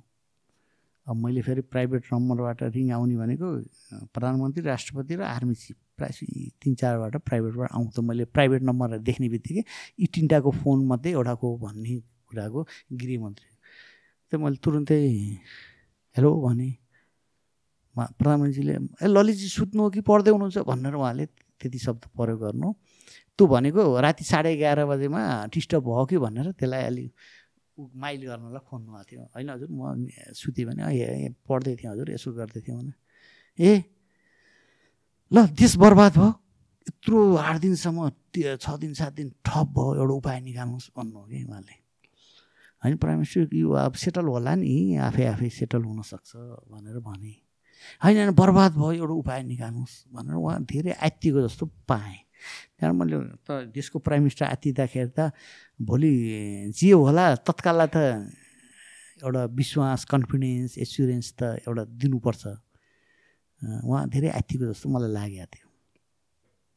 त्यहाँ मैले के भने यो माओवादीले त मलाई त बस्नै खान दिएनन्। यत्रो ठप देश गरायो भन्ने टाइपको कुरा मैले त्यसो उहाँलाई के भने भने त्यसो भने हजुर एउटा सानो सेनाको टुक्रे शीतल निवास बालुवाटा र सिंहदरबार घुमाइदिनुहोस् न भने कि। त भनाइदिएपछि उहाँले के हुन्छ त्यसले भन्दा हुन त के हुने हजुर त्यो एकचोटि घुमाउँ न हेरौँ न टेस्ट गरौँ न। भने उहाँ अहिले त्यो छत्रमानजीको पूर्व प्रधान सेनापतिको किताबमा नि यो घटनाहरू लेख्नु भएको छ। त्यहाँबाट उहाँले ल त भनेर बिहान सानो टुक्रीहरू सेना मुभ गर्यो। अरू के होइन पचास साठीजनाको टोली सिंहदरबार शीतल निवास बालुवाटार घुम्यो। म तुरुन्तै शीतल निवास हिँड्दै गएँ। म बानेश्वर बस्थेँ हिँड्दै गएँ। हिँड्दै गएपछि मलाई बाटा जाँदा जाँदा दिमागमा के आयो भने प्रधान सेनापतिलाई बोलाउनु पऱ्यो अब भने। त्यहाँबाट बाटा हिँड्दा हिँड्दा प्रधान सेनापतिलाई फोन गरेर सिप सब एकचोटि शीतल निवास आउनुहोस् न एघार बजीतिर भने के थियो हजुर? उहाँको यस्तै होइन त्यसै एकचोटि आउनुहोस् न भने। त्यहाँबाट मैले त्यहाँ सँगसँगै के भने यो थापाथलीको पुल लिएर अलिक एग्रेसिभ फोर्स थियो सुनेको थिएँ। शीतल निवास चिप्साप शीतल निवास आउँदाखेरि त्यो सकिन्छ भने थापाथली अलि एभोइड गर्ने हो कि अर्को बाटो आउने हो कि भने। उहाँले के भन्नु भने कहाँ? नेपालीको सेनापति प्रधान सेनापति डरायो यो देशमा को बाँच्छ म त्यही बाटो आउँछु। भन्नु क्या होइन? रियल आर्मी चिफ जस्तो लाग्यो कि? होइन? त्यही। अब मलाई के थियो भने उहाँ साइरन बजाउँदा आउने यताबाट एग्रेसिभ फोर्सले ढुङ्गा हान्ने त्यहाँबाट उहाँको सेक्युरिटी कडा हुन्छ ड्याङ्गे हानिदियो भने त त्यो फेरि खुन खराब हुन्छ। म त्यसको चिन्ताले भनेको। उहाँ शीतलले मासु त्यहाँबाट म राष्ट्रपतिलाई के भने राष्ट्रपति चिफ साहबलाई बोलाएको छु भने किन बोलाउनुको भन्नु? होइन हजुर हजुर। फेरि उहाँ तराईतिर यादव राष्ट्रपति एघार बजी खाना खाएपछि उहाँहरूको आधा एक घन्टा सुत्ने बानी हुन्छ क्या तराईतिर गएको इन तराईतिरको त्यो एउटा संस्कार जस्तै भएको उहाँको प्रायः एघार बजी खाना खाएर ठ्याक्कै एक घन्टा आधा घन्टा झ्याप्प यसो निधाउने बानी थियो क्या। त्यहाँ मैले के भने होइन हजुर। हजुर ऊ गरौँ। के अरे यसो चिपसापसँग भेट्नुहोस्। अरू म स्ट्राटेजी कुरा गर्नु छ भने होइन? त्यहाँबाट पाँच मिनट चिपसापसँग राष्ट्रपतिको भेटघाट गराइदिएँ। अरू राष्ट्रपतिले सैद्धान्तिक कुरा के भने कस्तो चाहिँ सुरक्षा के छ? होइन? हेर्नुहोस् है चिपसाप भोलि आउट अफ द कन्ट्रोल नजाओस् होइन? कन्ट्रोलमै रहोस्। अलि अब कहिलेसम्म जाने हो कहिलेसम्म फिर्ता गर्ने हो अब चिन्ताको विषय भयो। भनेर त्यति उहाँले भन्नु हो। त्यसपछि राष्ट्रपति खाना खानु जानु। मैले साहबलाई मेरो कोठामा बस्यो। फेरि उहाँहरू अलि पाँच पाँच मिनटमा कफी खानुपर्ने है। त्यहाँबाट लगभग आठ दस कप कफी मेरो कोठामा बसेर खाइयो हामी। डेढ दुई ढाई घन्टा त्यो कोठामा त्यसै अरू अनौपचारिक गफसप गरेर बसियो कि। त्यहाँ मलाई तुरुन्तै दिमागमा के लाग्यो भने अब यो न्युज लिक गर्छु। भनेर न्युज अनलाइनमा न्युज के लिक गरे भने देशको राष्ट्रपति र प्रधान सेनापति अहिलेको यो सुरक्षा चुनौतीको बारेमा कसरी जाने र के गर्ने भन्ने कुराको गोप्य छलफल गरेर ती तिन तिन घन्टादेखि बाह्र छलफल गरिराख्नु भएको छ। भन्ने किसिमको मैले न्युज लिक गरेँ। न्युज अनलाइनमा फ्ल्यास भयो। एघार बजे चिप पसेको मान्छे ढा दुई ढाई बजे बस्यो फर्केको छैन टाइपको। न्युज लिक गरेँ होइन? न्युज लिक गरिसकेपछि त्यो के न्युज थियो? त्यहाँबाट त्यो न्युज लिक गर्ने मात्रै चिफ साहबसँग बिदा भयो चिफ साहब जानुभयो त्यसपछि त आमामा यस्तो फोन आउन थाल्यो। के भयो? के तयारी हुँदैछ? या या या या भयो है।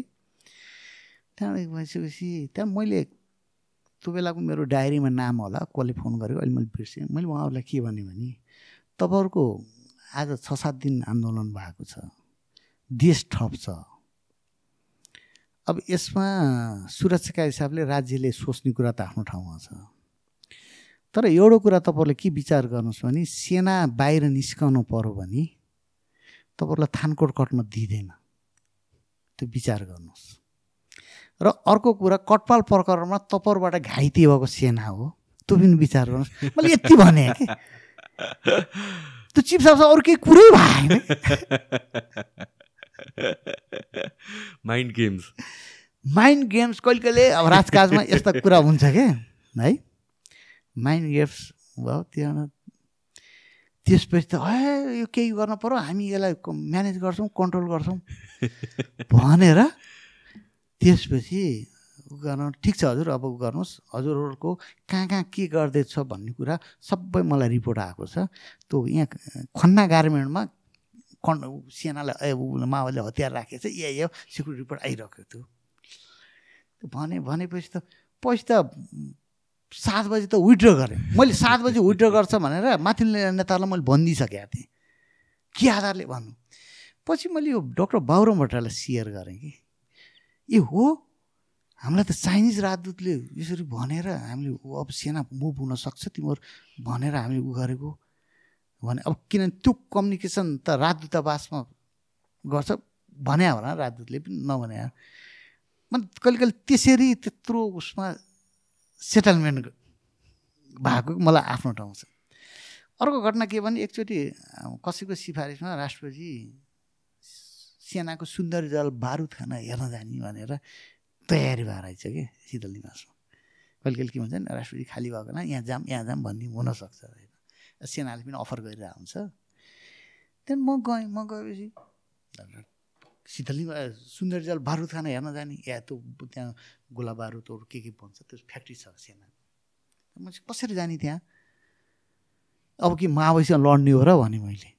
बारुद खान जाने भनेको लड्नलाई तयारीको लागि म्यासेज दिन जाने हो कि? होइन? म्यासेज दिन जाने। त्यहाँ म्यासेज दिन जाँदाखेरि मैले हुँदैन हजुर। अहिले यस्तो शान्तमा भोलि ऊ हुन्छ त्यसले शङ्का उपशङ्का हुन्छ। जाने तयारी भयो जान त परेन होइन हस्पिटल जाने। म चिपसँग कुरा गर्छु। हस्पिटल गएर त्यहाँको बिमारी हेर्ने के हेर्ने भनेर बारुद खाना हिँडेको तयारी भएकोलाई चेन्ज गरेर मैले उसमा यो यहाँ कहाँ उसमा छ स्वयम्भूको हस्पिटल लिएर गएँ कि। होइन? म यता लड्नु पऱ्यो भने बारुद खाना लग्थेँ। कहिले त्यो म्यासेज दिने हो कि। र म राष्ट्रपतिसँग जिल्ला भ्रमणमा जाँदाखेरि सेनाको ब्यारेकमा जाँदाखेरि त्यो सिपाहीहरू सुत्ने बङ्करमा लाने फोटो खिच्ने माथि ल्याउने गर्थेँ कि।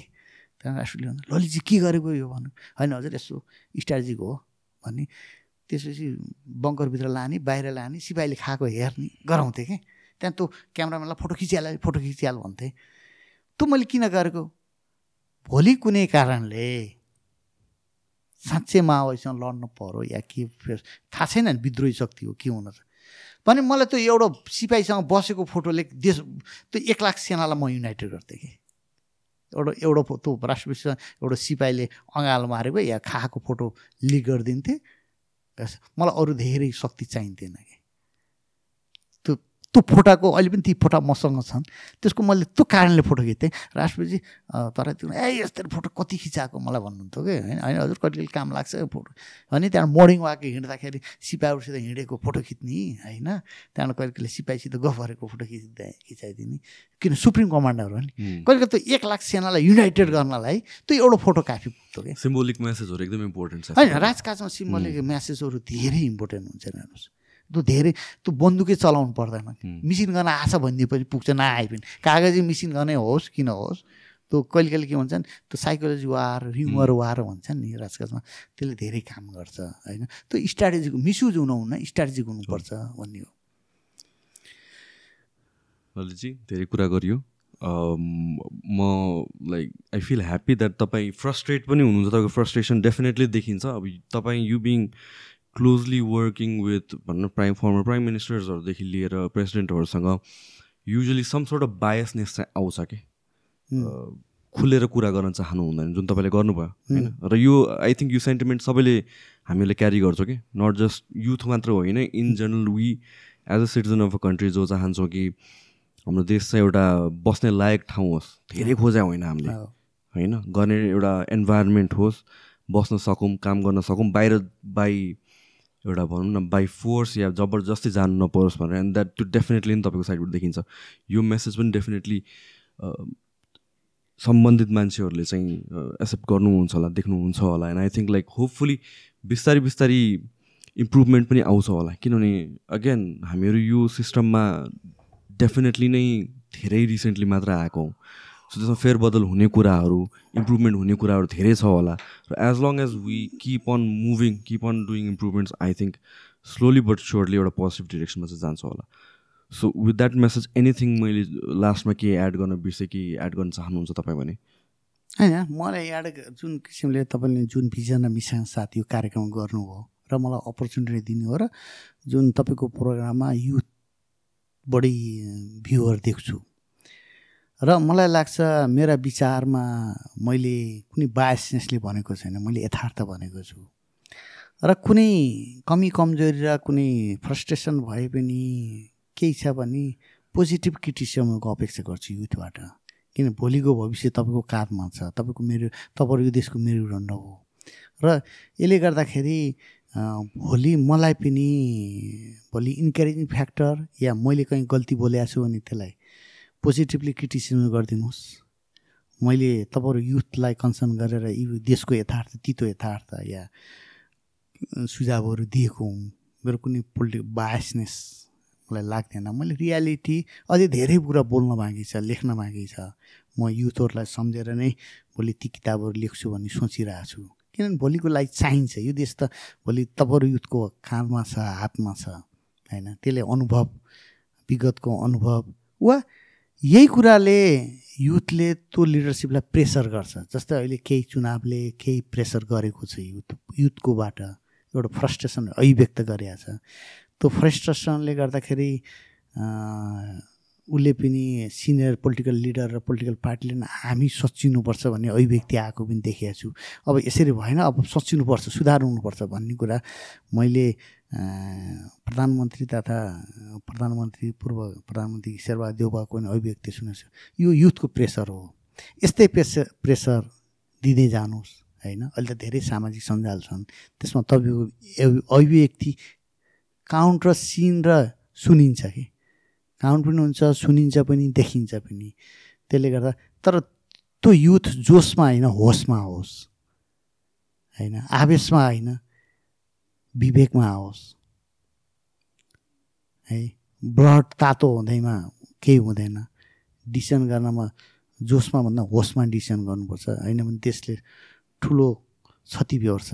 भन्दै यो कार्यक्रममा बोलाइदिनु यत्रो डेढ दुई घन्टा छलफल गर्ने मौका दिनु त्यसको लागि धेरै धेरै धन्यवाद। र यो संस्था यो तपाईँको कार्यक्रमको उत्तरोत्तर प्रगति गर्न चाहन्छु। धन्यवाद। Thank you so much